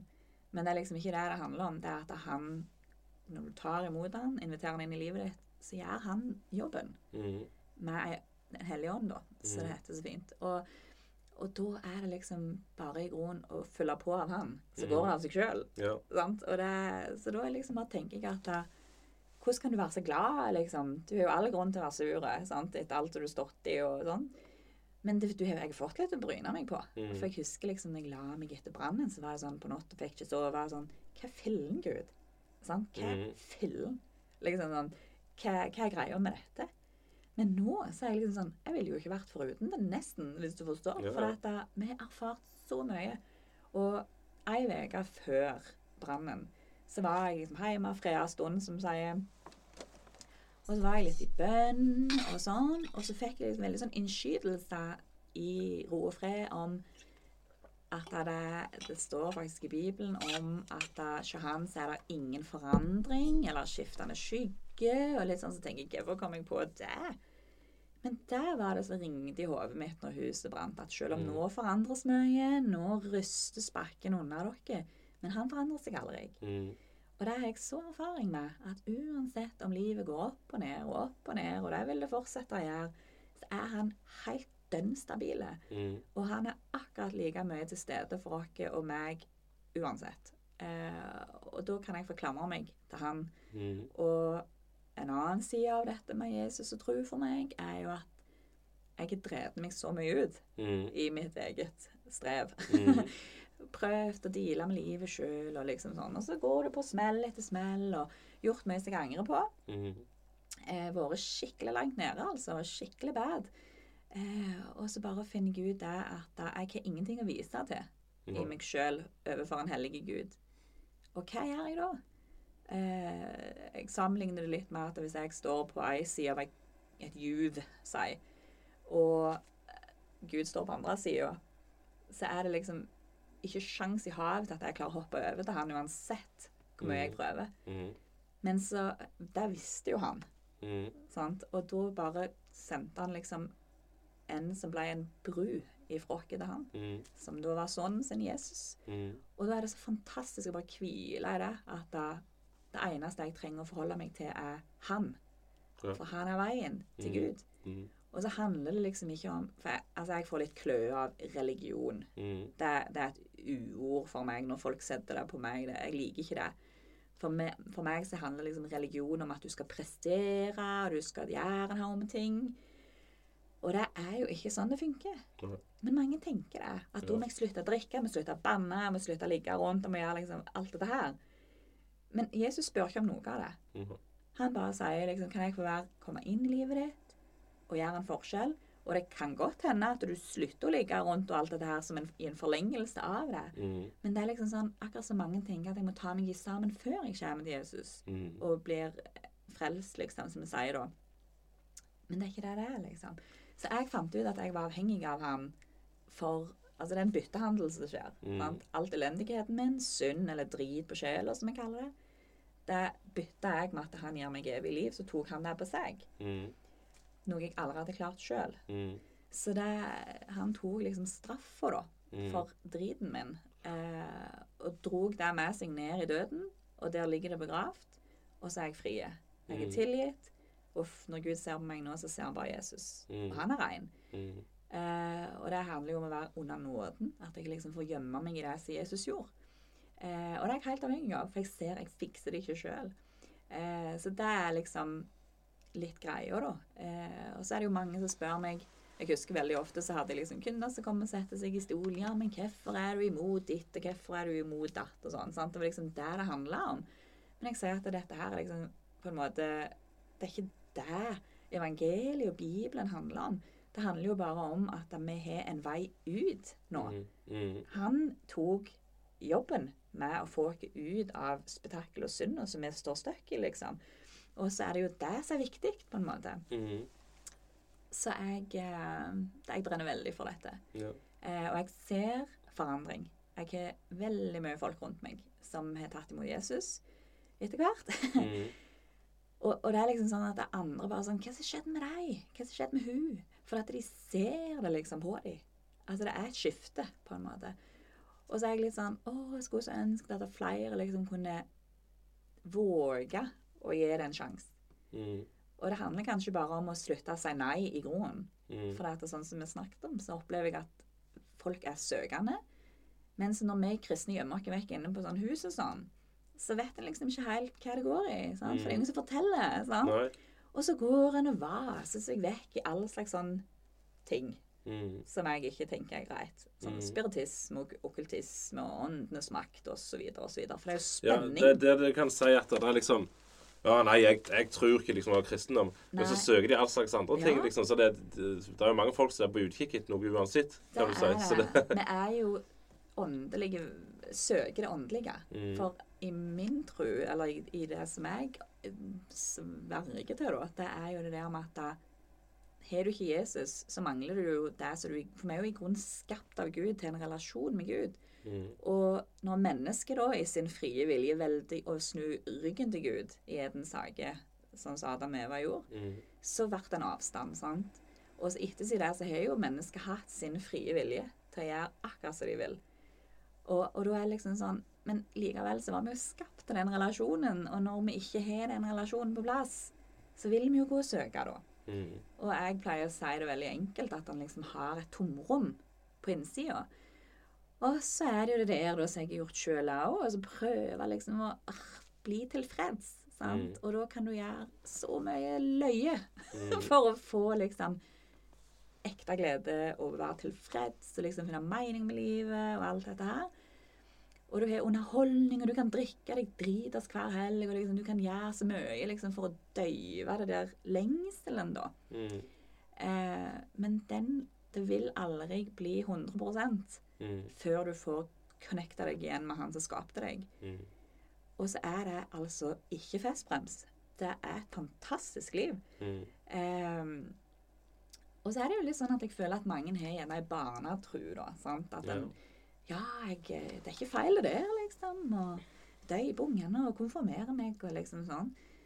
Men det, det, jeg opplever det nesten som at mange tror at det er noe der. Mm. For det er ikke fremmed for det, men så er det noe annet det der med å komme til Jesus. Sant? Å tro på han og liksom sammenligne det med Si da at du skal ta et tog Mm. til Stavanger, og du vet toget går fra stasjonen i Sirevåg klokka da og da, og du har billetten og sånn. Men du kommer deg aldri til Stavanger før du går på det toget. Mm. Du kan tro på det, du kan vite tid det går, og liksom ha sånn, men du må ta del i det Mm. før du får erfaringen av ja, jeg Mm. kom til Stavanger. Sant? Og det er liksom der det stopper for mange. Da, sant? Og, og når jeg treffer så sjukt mye folk som ikke deler troen min og mange henger i en tynn tråd altså i dag Mm. Det er stritt for mange. sant? Mm. Du snakker om økonomi. altså Det er mørkt Mm. for mange. Mm. Og, og så sitter jo vi med det som jeg mener er virkelig svaret. Mm. Eh, og da blir jeg helt galen av at mange kan bare holde det for seg sjøl. Men en skal jo gå fram i visdom. Det er jo nok av de som har gått og sleie folk i hodet med Bibelen. Mm. sant? Og så får du helt, helt ting Ja, opp i halsen. Det er nok der mange også sitter med et stigma, som du sier. Ja, ja. Religion, religion er en uting, enkelt og ja, ja. Men eh, det er liksom Det er ei bok, og der står det nok noe helt annet enn det som mange religioner sier. Eller, eller ikke mange religioner, men denne religionen sier. ja, Og, ja. Men det er mange Ja. Ja, religion det er mye, så gjerne ikke plent det, det som Mm. står der. En Så, har sin forutsett, altså ting som en har erfart, og liksom ser gjennom de filtrene da, på en Mm. måte. Og, men sånn sier eh, jeg har jo ei bibelgruppe der alle er ny, nye på veien, da. Eh, og det som går igjen for iallfall to av de, er jo at da, de i grunnen bare har begynt å, det har begynt å demre for dem, -hmm. disse tinga. For du ser på nyheter. Sant? Du ser liksom Hvordan skal det gå? Mhm. med denne verden. Og så tenker de liksom sånn «Åh, Ja. Og så bare begynner det liksom å svive litt. Og så begynner en gjerne å så lese litt, og så ser en liksom at da, er det noe i dette her? Mhm. Eh, og så har en begynt, å liksom tenke for seg sjøl, for at mange ganger så er det litt sånn Nei, avskriver det helt, og, og liksom Men hvis en bare våger å liksom se litt inn i hva det i grunnen Jesus handler om, hva det han snakker om, hva det han var, hva det han gjorde, hvorfor kom han? Og så liksom ser en på en måte at puslespillet faller jo helt på plass, liksom. Eh, og det er veldig spennende, for det ser en litt på nyhetene, ser liksom, så er jo verden litt sånn nedadgående, da. Mhm. Og så er jo jeg litt der at ja, vi har jo lest litt slutten av boka, bokstavelig talt, i Mhm. Bibelen. sant? Og det er jo ingenting av disse krisene som foregår i verden som overrasker oss, som Mhm. har lest litt i Skriften, og spesielt når det liksom gjelder tida vi lever i nå, og det som skal skje framover. Så ja, jeg, eh, jeg tenker at det er fint at folk begynner å tenke litt. Mm. Eh, Ja, du kan jo si at det er nok mange sider, gjerne er redde for hvordan ting går, men så Ja. sier du sjøl at da, du vet jo om dette, og er ikke så bekymra, nei, det er Bare det kan gjerne være en trygghet for mange, Ja, ikke sant? absolutt. Ja, og så er det litt sånn Bibelen er jo blitt skrevet over en veldig lang periode av tid. Sant? Det er jo 66 bøker komprimert i ei bok, som strekker seg over hva det er da, 1500 år. liksom. Forskjellige Mhm. folk som har bidratt med å få sin inspirasjon ifra Gud og notere ned det de fikk. Og, og det som er litt sånn fascinerende, er jo at det er jo noe som kalles for profetier da, i Bibelen. Og da har du vel rundt hva det er da, 700 pluss minus profetier om ting som kom til å skje. Og nå har Sist jeg hørte på en som hadde med dette temaet å gjøre, så var 81 av Mm. alle de profetiene har skjedd liksom, i historien vår. Mm. Og 19% handler om de siste tider. Mm. Så da er jeg litt sånn Spørs om ikke det òg skjer. Mm. Sant? Så, så jeg tenker liksom Ja, men, men dette er liksom «Åh, Vil mest ikke tenke på det, er jo folk litt der. Sant? For da må du jo ta stilling til det. Og noen ganger så er det jo litt sånn greit å bare holde det litt sånn der ute og liksom ikke orke å ta liksom helt stilling til det, for det blir litt sånn nært og sånn. Men, men jeg er litt sånn Våg å tro. Ja. Våg å gi Jesus en sjanse. Eh, Jeg tviler på at folk blir skuffa av å gjøre det. Mm. Men det der å liksom legge vekk litt av det der bildet en har av kristendom, kristne folk osv., osv., og, og så bare gi Jesus en sjanse til å tale for seg sjøl. Mm. La han få snakke for seg sjøl. Liksom. Litt der. Og bli kjent med han og finn fram i Bibelen din. Les Markus, eksempel. Altså, bare be. Se om det skjer noe når du ber. Mm. Liksom, Det er enkle ting. Og så bare tror jeg ikke noen kommer til å bli skuffet når de gir han en sjanse. Jeg ser eh, Kona mi er jo veldig opptatt av dette her. Og, Mm. litt av det som gir godt i forhold vårt, da Hun viser ting, f.eks. i ordspråkene. Det står ganske mye vis der. Ja. Og det Du kan Du, kan, eh, du trenger ikke tro engang, for å si det sånn. Nei. Men hvis du bare tenker litt på de tingene som står der, fyller Mm. gjerne bare det, det er snakk om verdier. Det er ikke snakk om tro eller noe sånt. Det er bare verdier. Du kan, du kan i grunnen ikke feile bare med å fylle de verdiene. Altså Nei. hvordan du oppfører deg mot andre folk. Mm. Ikke sant? Og Hadde bare alle gjort sånn som lærer i Skriften. Ja. Ja. ja. Nei, det skal noe til. Trenger mye hjelp ifra oven da. Men, Mm. eh, men du er jo liksom et menneske som feiler selv om du tror på Jesus. Mm, Men forskjellen er at da, du blir ikke lenger tilregna det som mm, du gjør galt. Og så er han sånn som heier på deg og drar deg opp igjen. Kom igjen, opp på føttene, og så går vi videre. Liksom. Ja. Han er ikke sånn sur Gud som sitter med pekefingeren og gruser deg hvis du går på trynet. Liksom. Mm. Det er helt motsatt. Ja. Og, og det har jeg trengt mange Mm. ganger, det der Ja. nåden som du får. Eh, og, og slippe å prestere i dette her. Trenger ikke kjempe med og måtte ditt og måtte datt, liksom. Og, nei, det er sånn frihet i det. mm, Og, og akkurat det som du snakker med ordspråkene og dette her, det er jo noe som mannfolk vet jeg spesielt setter enorm pris på. For det er så straight forward, liksom. Ja. Kan ikke ta feil i disse, den delen der. Og nå har jeg en sånn stunt på gang der jeg leser hele Bibelen mm, i januar. mm, Så jeg sitter og nileser. Og jeg har akkurat vært gjennom dette som du snakker om, Mm. og det er, altså jeg bare tenker Fy søren, så mye gull det er. mm. Åh, så vi blir liksom aldri ferdige med med, med Bibelen, da. Ja, men uh, Men nei, du trenger i grunnen ikke være en sånn superspeisa, helt ut av det liksom helt virkelighetsfjerne person for å på en måte leve med Jesus. Mm, Du tar han i grunnen bare med i livet, og så er han eh, Ja, det er ekstremt rikt mm. og spennende. For du vet jo aldri hva morgendagen bringer. Nei. Så det er liksom Det er det ingen som vet. Nei. Og, ja. Nettopp. Mm. Eh, han vet. Og det er trygt. mm, Så eh, Men eh, ja, det, er, det opptar meg veldig mye, da. Ja. Det gjør det. Og så er jeg liksom der at da, vi mennesker som tror på Jesus, jeg tror vi har gjort det veldig komplisert mm, av og til. Eh, men det er jo ikke komplisert i det hele tatt. Så det er liksom bare eh, enkle ting. Vi trenger han for å få evig liv mm, eh, Jesus, altså. På grunn av synden vår. Gud tåler ikke det. Sant? Og da må vi ha noe syndfritt som tok med seg vår elendighet vekk.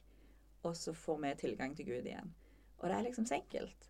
Og så er det bare så vanskelig av og til. For vi vil mange ganger prestere. Vi Mm. vil be, og vi vil sånn, for vi føler da er det godt nok ifra vår side. Vi vil liksom Det når du går på arbeid, så er du vant med at ah, hvis jeg ikke går på arbeid, så får jeg ikke lønn. Mm, Men liksom så vant med at vi må gjøre noe. mm, Så det er nesten litt sånn utfordrende å ikke trenge å gjøre noe. mm. Bare få hvile, liksom. Se Jesus. Ja. Det, ja.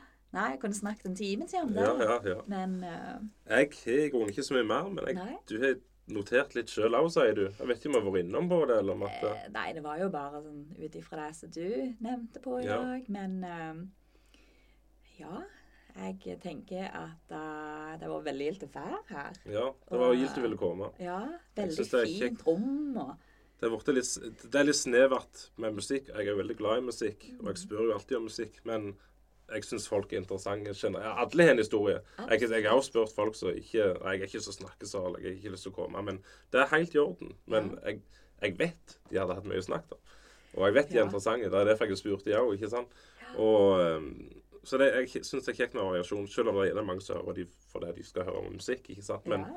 Mange av de som hører, har hører jo på den musikken som du òg snakket om. Så du, er jo inne på noe ja. der. Så Åh, nei, det er veldig gildt å på en måte snakke om livet, da. Mm. Og jeg er veldig der, sånn som vi har sånn samlinger, sier jeg meg, så er det mye der det går i. mm, Folk forteller fra sitt liv, liksom. mm, Eh, og, og jeg er litt sånn Åh, jeg er så drittlei av det der fake greiene som vises i sosiale medier og sånn. mm, Altså, hallo. Ingen har det perfekt. nei. Ikke hjemme, ikke noensinne. Altså, det, det er bare sånn det er. Så bare liksom våge å snakke litt om Fortelle historier. Altså snakke om livet sånn som det er, og at du bidrar med det her, det tror jeg er fantastisk. Mm, For vi får liksom litt sånn Ja, vekk det der glansbildegreiene og, og maskene som folk bærer på. For ingen tårer jo å fortelle om sine feil og mangler lenger, for at vi tenker alle har det så vanvittig mye bedre. mm, Men det stemmer ikke i det hele tatt. Nei. Når du snakker med folk mm, i lag som bare under fire år liksom i frisørstolen i 15 år, mm, så vet du at det, det er stor forskjell på det jeg har sett folk i sosiale medier, og det jeg treffer i frisørstolen. Så, det det, så vi må bare være åpne og ærlige om livet. Da Mm. tror jeg vi kan senke garden litt, hele gjengen. Mm. Og, og bare ta hverandre for det vi er, mm, tenker jeg. ja, Så det er viktig. ja. Mm. Folk er sjukt interessante. Ja. Samme, Samme hva de tror, og hva, hva, hva stigma du gjerne har hatt om folk tidligere. Men det, har jeg absolutt sett. Ja. Så det, ja. ja. Nei, on that bombshell, skulle jeg si.